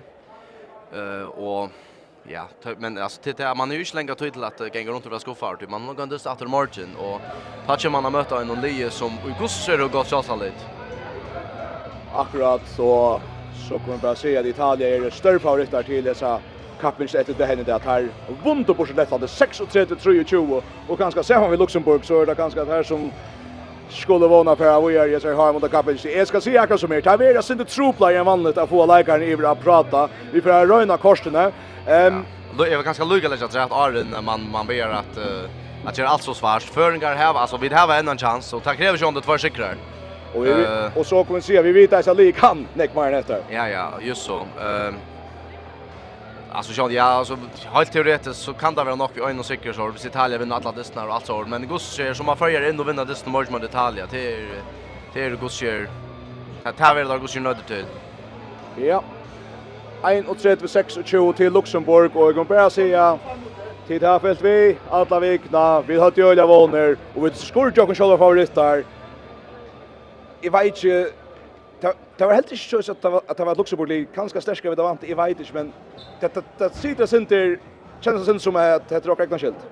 Ja, att att alltså hvis vi ska be som spelare som som som har lagt så ett stöj som vi känner i det. Alltså är det ju inte heller nekvur. Alltså Det är några lagare som som vi vet är otroliga donalir och går och har spelat några goda landsesser som inte ordlar räcka stöj i det och så det är för några att ta emot ja men så är så är det att vinna till att alltså Luxemburg har fått handbollslig men ifall jag lukar väl så att jag kan säga att Alltså jag följer och i toppform eller räcka nyckeln att ta ta stöj som vi kunde. Ja, så hade vi det som undända distan, men det gör vi ju inte. Och så ringt. Ja, det var ringt. Alltså är jag gillar så mest det är det har gått är pura på. Pura på. Det det kan man nu nu har sitter vant att vi tankar att han sett en men Ja, vi tar ju med det är nog det blir fyra hållig. Det har att han blir en mål ja och knappt arm i där så att han blir sex så och och till seriöst hållägg där ju sälja värjan alltså tar skora 20 mål och till vinner man inte när han handbollsist allt så vi har lagt 20 mål inn i en inte Det ska gänga jävligt illa. Ehm Ska vi ha på en tjolt vi taxisläggare och så framme. Ska vi tjosa först en taxisläggare. Vi vill gärna välja en förrygg, men kanske ska man helt riktigt till Luxemburgar. Här är det kanske en förrygg i Österskrig. Ja, alltså, hvis vi tar som först kan läggare så kan man inte komma bort ur och eller till hakna tojen. Det kan inte vara några andra än till han spelar en, en finlandist. Det menar han nu, Nuccio och på 12 eller också. Och det det är öliga gott och han ja han han var ju så klassan eh Vi dyst nu Scholvon, alltså, jag vet inte, nu, nu är det sända man framan fyra för sen Malmö. Han har spelat ju också en god spel i särskilt förra hållet. Och kanske att ge oss en linje när ringa känsla. Vi vi tar så ju om all spel är faktiskt helt fint att börja vi, men vi bränner bara chanserna och lägger som det är Hesen uttryck legend av bränna stora chanser bröjs på en annan matt över Aslie och gånger så blir det kan gå ut att etablera i alla spel vi kommer samtliga chanser.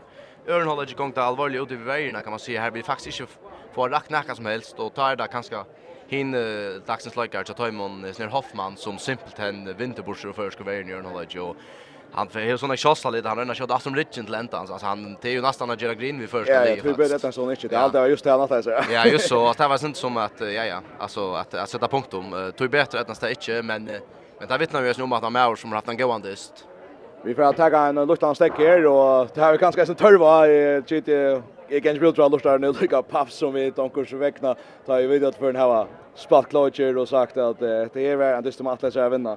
För jag tappar alltså 31-26 vi var att vi reaktion on så kvörst tär är det klarar. Vi kunde kanske vänta lägga Lucas Gustafsson så säga Sindre eka att han att han har hett där.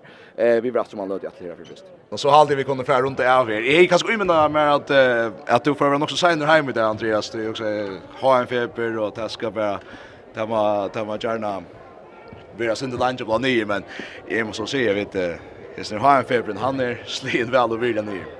Ja, nu går ju finns ju att att lite slag backa ska man säga, men men alltså som som som vi hörde vänjaren säga just det. Alltså vi slås med oss vi det har varit strätter va? Och alltså anke är anke är färdig än kan man säga, men så var det där inte östkimlande att man är så chela början. Med att det linje man kanske har huxa ju att appa på nu vad det vikast här, men vi då så ju där ring för oss själva och men men alltså vi är inte bättre väl väl spela och så får vi alla helst alltså Flyer Bjargingar och ja, vi må gå sig röna få bättre lösningar i alla uppnån och inte minst skåra på chanserna till att i morgon här får vi alltså möta alltså en Malmanne som allvarligast ändrar han hön stöj. Det är alltså en bondsliga Malmöver som Ösne tog.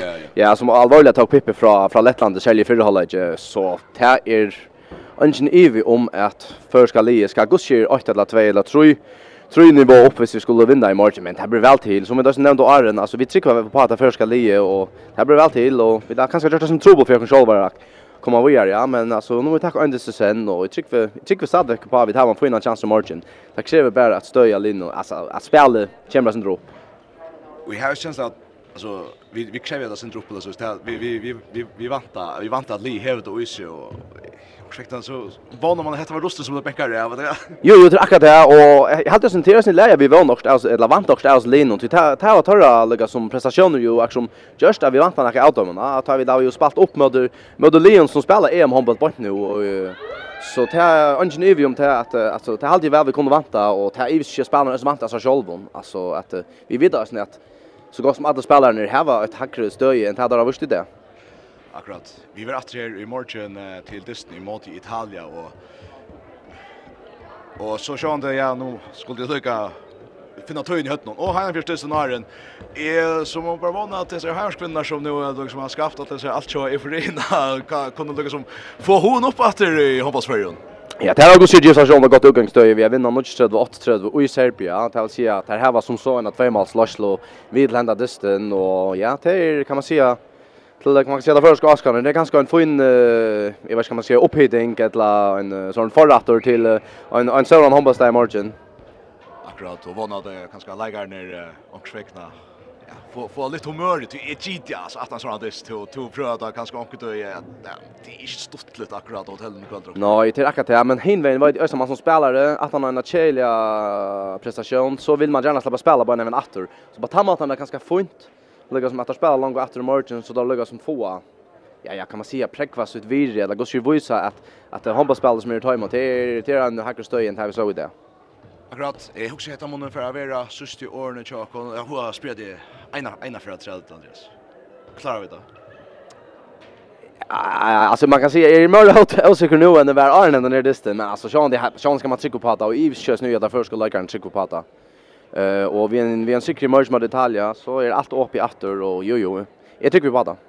Så så Andreas Eriksen likar ner är för ner att just att dra långt nu till det här och kombinator att nu den var också sitter så Kerstan här och så framme så jag kunde alltså komma några utskiftningar och så framvis men jag vet inte helt att när vi tar ena för att säga då Andreas att han tänkte att touches lika mycket kvar kommer in så så så så det var fel lax alltså kollaps och kring. Jo jo, och inte om det men men man kan se vi alltså först ska li mangla kanske ösna nära snur lojar nu och i all upp någon kanske sälja vi Elias och Kerstan som som uh, som har haft öliga stor tutning för för ska alla spela eh uh, och jo jo alltså ifall bara se jo alltså tar bara mangla ut det. Det är ju för att jag kan nära från hinna bara lika från eller från likaren som kommer in. Så jag tar väl som så får in där alltså får in avrig imsa stanna men men men alltså tar mest det att tar mest att ta mangla det att halt ju. Säg att det som blev som man blev alltså. Vi får nog få vidare kanske. Vi gör en affär nej. Vi fick av vite jar push ball vi där så de för mycket för att jag vet att kvar att plus shift runt och inte och kanske andre och så framvis. Vi får att kunna vara att se er første i morgon till morgen det med i Fjärs och sätter kan näsa Nis tar er honar kanske sent vet sen och så till det mot Italien tar för skall resa sig emot en det som alltså hoste. Reande styrst ju där men vit håller fram med samma test som avor och då vidare där den spelar Nigeria avänner Nigeria och Arthur Hobrin Jerry Vaughan och Oscar Nigeria där samma vi vill åter ja jag hoppas ju och i alla matchen här i Hötten i Holse vi ser varandra för köra för gör kom åter och tack för det FO til Rosko til førska håndballslandslige. Håndballtren av FM1 er sendt ut samstarve vi, Faro Agency og Vestpak. Og i drotteren av FM8 er sender ut samstarve vi Movi. Dystener er stolærer av Tørsjana kommune. Arstek Import. Ein veitare til nastan alt og FO.